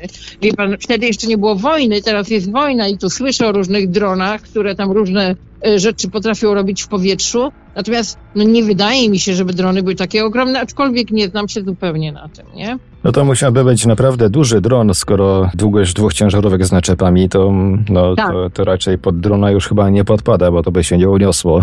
Wie pan, to po pierwsze to, to to, a po drugie te manewry później na końcu, które były takie nie z tego świata, one były dosłownie, wie pan, to tak jakby pan wziął, niech pan sobie wyobrazi, że pan piłkę by kopnął z takiego dużego rozpędu. No to ta piłka z, takim przyspieszeniem strzela, to dosłownie z takim przyspieszeniem to wystrzeliło do góry 20 metrów, zatrzymało się w miejscu, to coś ogromnego, wyprostowało się i znowu z takim przyspieszeniem wystrzeliło, no i już tam gdzieś mi zniknęło. Oczywiście wiedziałam, że jak pojadę dalej, to już tego nie zobaczę, bo ten las się ciągnął, zanim bym pojechała drogą, objechała i, i no jakby już wiedziałam, że nie, nie pojadę, zatem nie zobaczę już tego więcej. Natomiast to, to jakby ta, ta końcówka to już w ogóle mi dała do myślenia, no bo gdyby nie, no, nie to, no to jeszcze sobie pomyślałam, no może rzeczywiście, no nie wiem co, ale to, co na końcu się zadziało, to ja po prostu mi szczęka opadła. Czegoś takiego nie widziałam nigdy w życiu. To było bardzo dziwne. Czy obiekt sprawiał wrażenie, jakby naśladował, czy też reagował na pani manewry samochodem? Bo to tak momentami brzmiało, jakby panią ten obiekt śledził przez jakiś kawałek trasy. Yy, Wie pan co, ja w ogóle nie, a znaczy nie, ja to kłamię pana, jak mówię, że w ogóle nie. Nie przez chwilę, jak to się, zaraz po tej historii, jak o tym myślałam tak intensywnie, to sobie myślałam, że może to coś leciało, bo musiałby pan popatrzeć na Google'ach, jak wygląda ta trasa. Ona się teraz zmieniła, bo zbudowano nową drogę i tak dalej, ale rzeczywiście ja jechałam przez te wsie z dobrych 20 kilometrów, taką y, lekko krętą drogą, czasami prostą i rzeczywiście po lewej i po drugiej stronie tylko kilka wsi mijam, a reszta to są pola, pola, pola y, na tych kaszubach. I wie pan, jakby ktoś mi powiedział, że to coś było z lewej mojej strony, bo jak ja to zobaczyłam pierwszy raz, no to to było jakby nadlatywało z lewej strony, że to coś się przesuwało jakby równo ze mną od któregoś momentu, to być może, ale ja nie wiem, ja tego nie widziałam. Ja to zauważyłam dopiero, jak to coś przeleciało jakby w, w tym samym kierunku, w którym ja skręcałam, przeleciało nad stacją benzynową i myślę sobie, dlaczego tak nisko ten samolot leci? No ale później się w ogóle tym nie zajmowałam, co mnie tam samolot obchodzi. Dopiero, proszę pana, zgłupiałam, jak zakręcałam pod kątem prostym i to coś też pod kątem prostym, już w takiej odległości, no ze 200 metrów może dalej, może 300, może 500, musiałabym się zastanowić, ile jest od tego, od tej krzyżówki. No w każdym razie ja to wy, wyraźnie widziałam, jak to coś, dokładnie tak jak mój samochód taki manewr robi w dokładnie tym samym momencie. Ja zakręcam, patrzę, to widać na tym czarnym niebie wyraźnie ten rząd tych świateł i to zakręca tak samo jak ja pod kątem prostym. I wtedy, wie pan, to wtedy to zgłupiałam, bo sobie pomyślałam, samolot pod kątem prostym, 30 metrów nad chałupą, coś dziwnego. Już wtedy to, to sobie myślałam, że to jest dziwne. No i pewnie jadąc kolejnych 200 czy 300 metrów, sobie myślałam, no dziwaczne, dziwaczne. Po czym, mówię panu, patrzę w prawo, a to coś jest na takiej wysokości w ogóle jakiejś absurdalnej i wtedy już się posuwa dokładnie 30 na godzinę, równiusieńko z moim samochodem. No to było, to było przedziwne, naprawdę przedziwne. Także później jak zaczęłam czytać, oglądać filmy, no to jestem, wie pan, przekonana, że to był jakiś cholera obiekt nie z tego świata, bo ja latam samolotami, milion razy leciałam samolotem, byłam na różnych lotniskach, ale o czymś takim, czegoś takiego nie widziałam w życiu, ani w powietrzu, ani w filmie, no, no nie wiem, no było to coś dziwnego, naprawdę. Trzecia historia, proszę pana, już panu opowiadam. Ja mieszkam w tej chwili, wyprowadziłam się spod Gdyni i kupiłam e, stare gospodarstwo pod Starogardem Gdańskim. 16-hektarową działkę mam, która jest otoczona dookoła rzeką, taki półwysep kupiłam, otoczony wieżycą. I mówię o tym dlatego, że to jest totalne zadupie już. Do najbliższego mojego sąsiada jest z 300 albo 400, może 500 metrów. I ja go nawet nie widzę i nie słyszę w nocy. I mieszkam w tej chwili w, w wyremontowanej stodole, gdzie na górze, na piętrze zrobiłam dwie sypialnie, dwie łazienki, dopóki z do, domu żeśmy z mężem nie zbudowali, to, to tu mieszkamy. I proszę pana, moja sypialnia, ja mam swoją sypialnię, mąż ma swoją sypialnię i moja sypialnia ma dwa okna dachowe po, od strony wschodniej i dwa okna normalne, takie okna od strony północnej. I proszę pana, za tymi oknami ciągnie się jakieś 500 metrów e, lasu, później się znowu ciągnie las, później pola. No, na, na, najlepiej popatrzeć rzeczywiście na to na Google. Mówię o tym dlatego, że to, co, to, to, czego doświadczyłam, było przedziwne zupełnie też w tych okolicznościach. Nie ma nic dookoła, mieszkamy tu sami z mężem. E, nie ma samochodów, nie ma drogi, nie, nie ma świateł. E, no, samoloty latają oczywiście, ale na jakiejś takiej przelotowej wysokości. I teraz proszę sobie wyobrazić, że ja się budzę o godzinie gdzieś koło trzeciej, i nie wiem, czy ja popatrzyłam na komórkę, bo szłam do łazienki, ale kojarzę, że to była jakoś, jakoś koło trzeciej. Było to ze dwa lata temu, już tutaj mieszkaliśmy. I proszę pana, budzi mnie za tymi oknami na tej północnej ścianie, które są na wprost mojego łóżka, budzi mnie dzwonienie na wysokości okien, tak jakby, jakby pan za oknem ktoś, proszę pana, dzwonił. I to jest takie dzwonienie bardzo charakterystyczne, e, jak, proszę pana, na przejeździe kolejowym. Zyń, zyń, zyń, zyń, zyń, zyń, zyń, zyń. Takie bardzo, no dosłownie fiko, fiko. Dosłownie e, jakby ktoś był e, na przejeździe kolejowym i zbliża się pociąg. I proszę pana, ten dzwonek, ja leżę w łóżku i słucham tego. To się tak powiedzieć nieracjonalnie. Leżę, proszę pana, i słyszę coś takiego. Dzyń, dzyń, dzyń, dzyń, dzyń, dzyń. I po tym następuje taka melodyjka. Jezus, no ja wiem, że to brzmi to, co ja panu opowiadam idiotycznie, ale słowo honoru, że tak było, proszę pana. Jak mężowi to opowiadałam, to powiedział, że zwariowałam. Ta melodyjka to jest coś takiego, tak nie potrafię. Lali, ti, ti, ti, ti, ti, ti. I znowu dzyń, dzyń, dzyń, dzyń, dzyń. I znowu ti, ti, ti, ti, ti, ti. I znowu dzyń, dzyń, dzyń, dzyń. I ja leżę, posłuchałam tych dzwonków trochę i teraz znowu, proszę pana, te okna są zasłonięte roletami rzymskimi. Wstaję z łóżka, idę do łazienki, siedzę na toalecie i proszę pana, słyszę, jak to, to coś na wysokości tego pierwszego piętra, ta melodyjka z tym dzwonieniem okrąża dom. I myślę sobie, i siedzę w łazience i myślę sobie, teraz już jest na wysokości salonu, bo między moją sypialnią a męża sypialnią jest salon. Też takie ogromne mamy okno. Teraz już jest tam, gdzie też mój mąż ma dwa okna dachowe. I to tak sobie ding, ding, ding, ding, ding, ding. I ja siedzę, proszę pana, i myślę, aha, teraz już tam poleciało, teraz już tam poleciało, okej, okay, okej. Okay. Wracam, proszę pana, do łóżka, kładę się i zasypiam.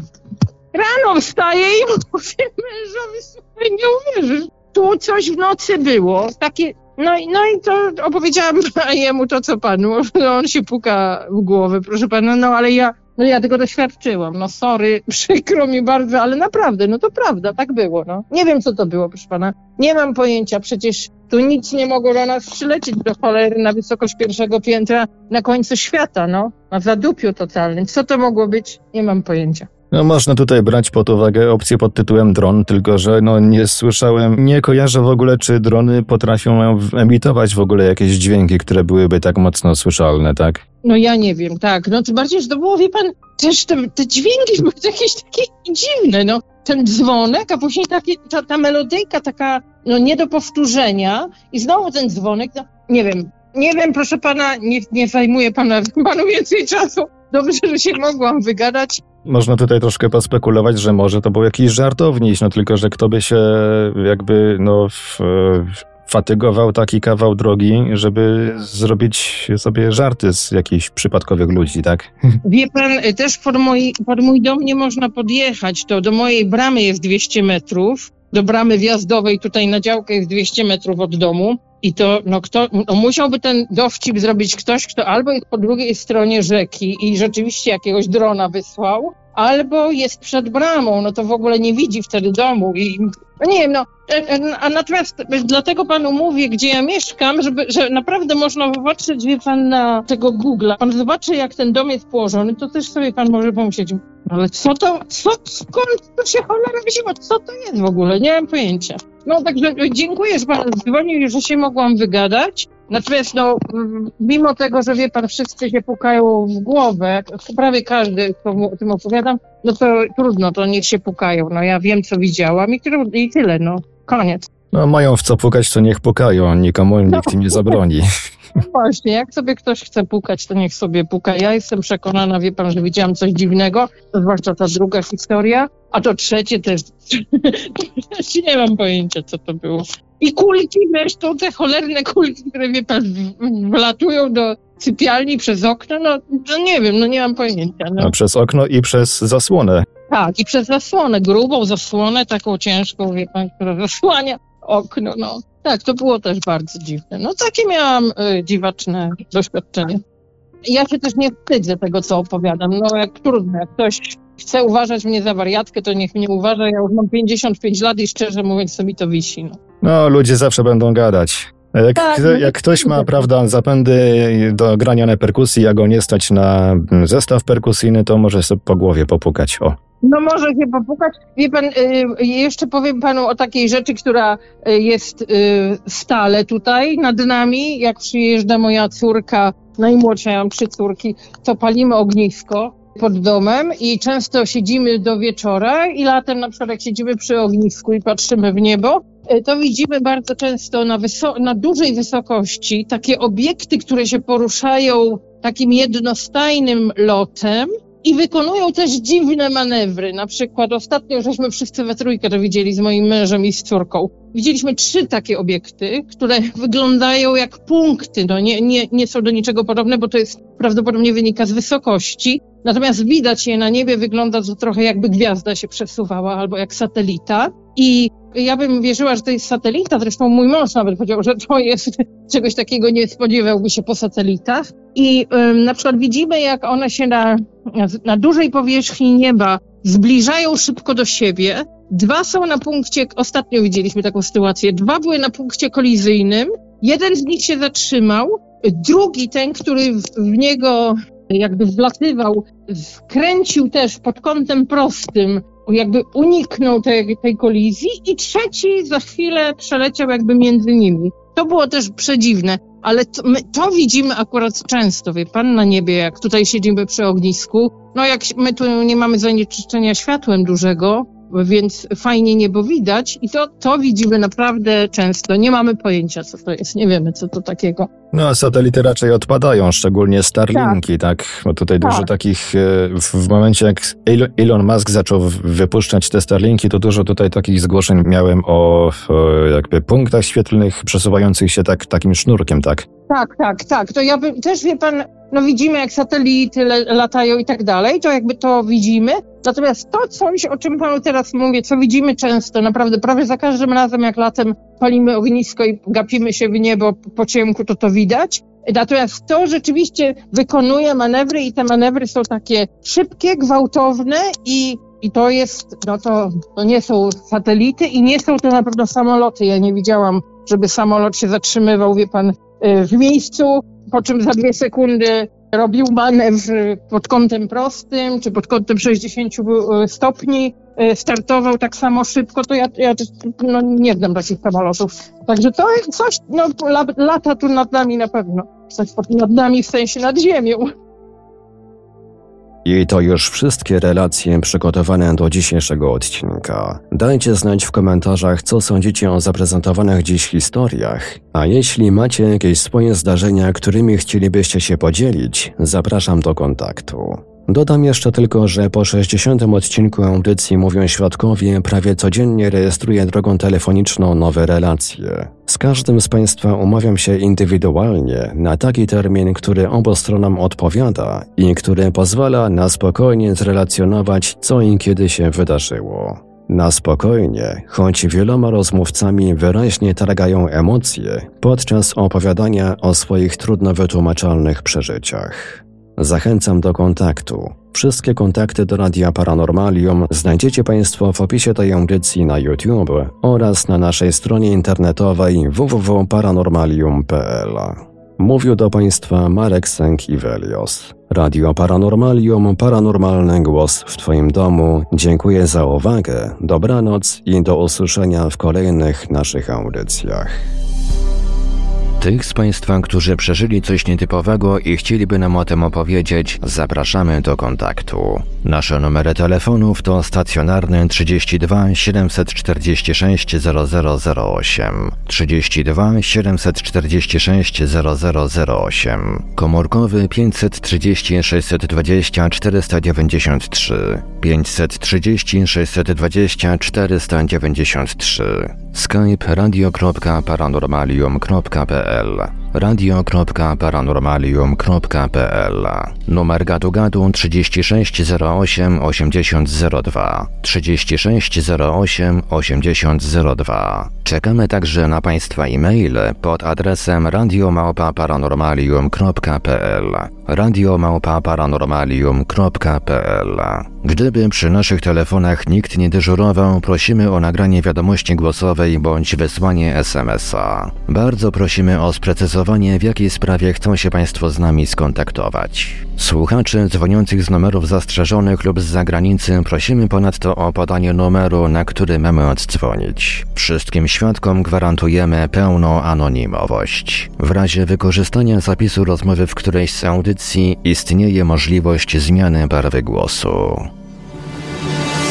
Sięgli już dziś po nieznany świat. Najstarsze polskie czasopismo poruszające tematy z pogranicza nauki. Artykuły o tematyce paranormalnej, ezoterycznej, ufologicznej i nie tylko. Nieznany świat. Miesięcznik dostępny w punktach prasowych na terenie całej Polski oraz w wersji elektronicznej na platformie nexto.pl.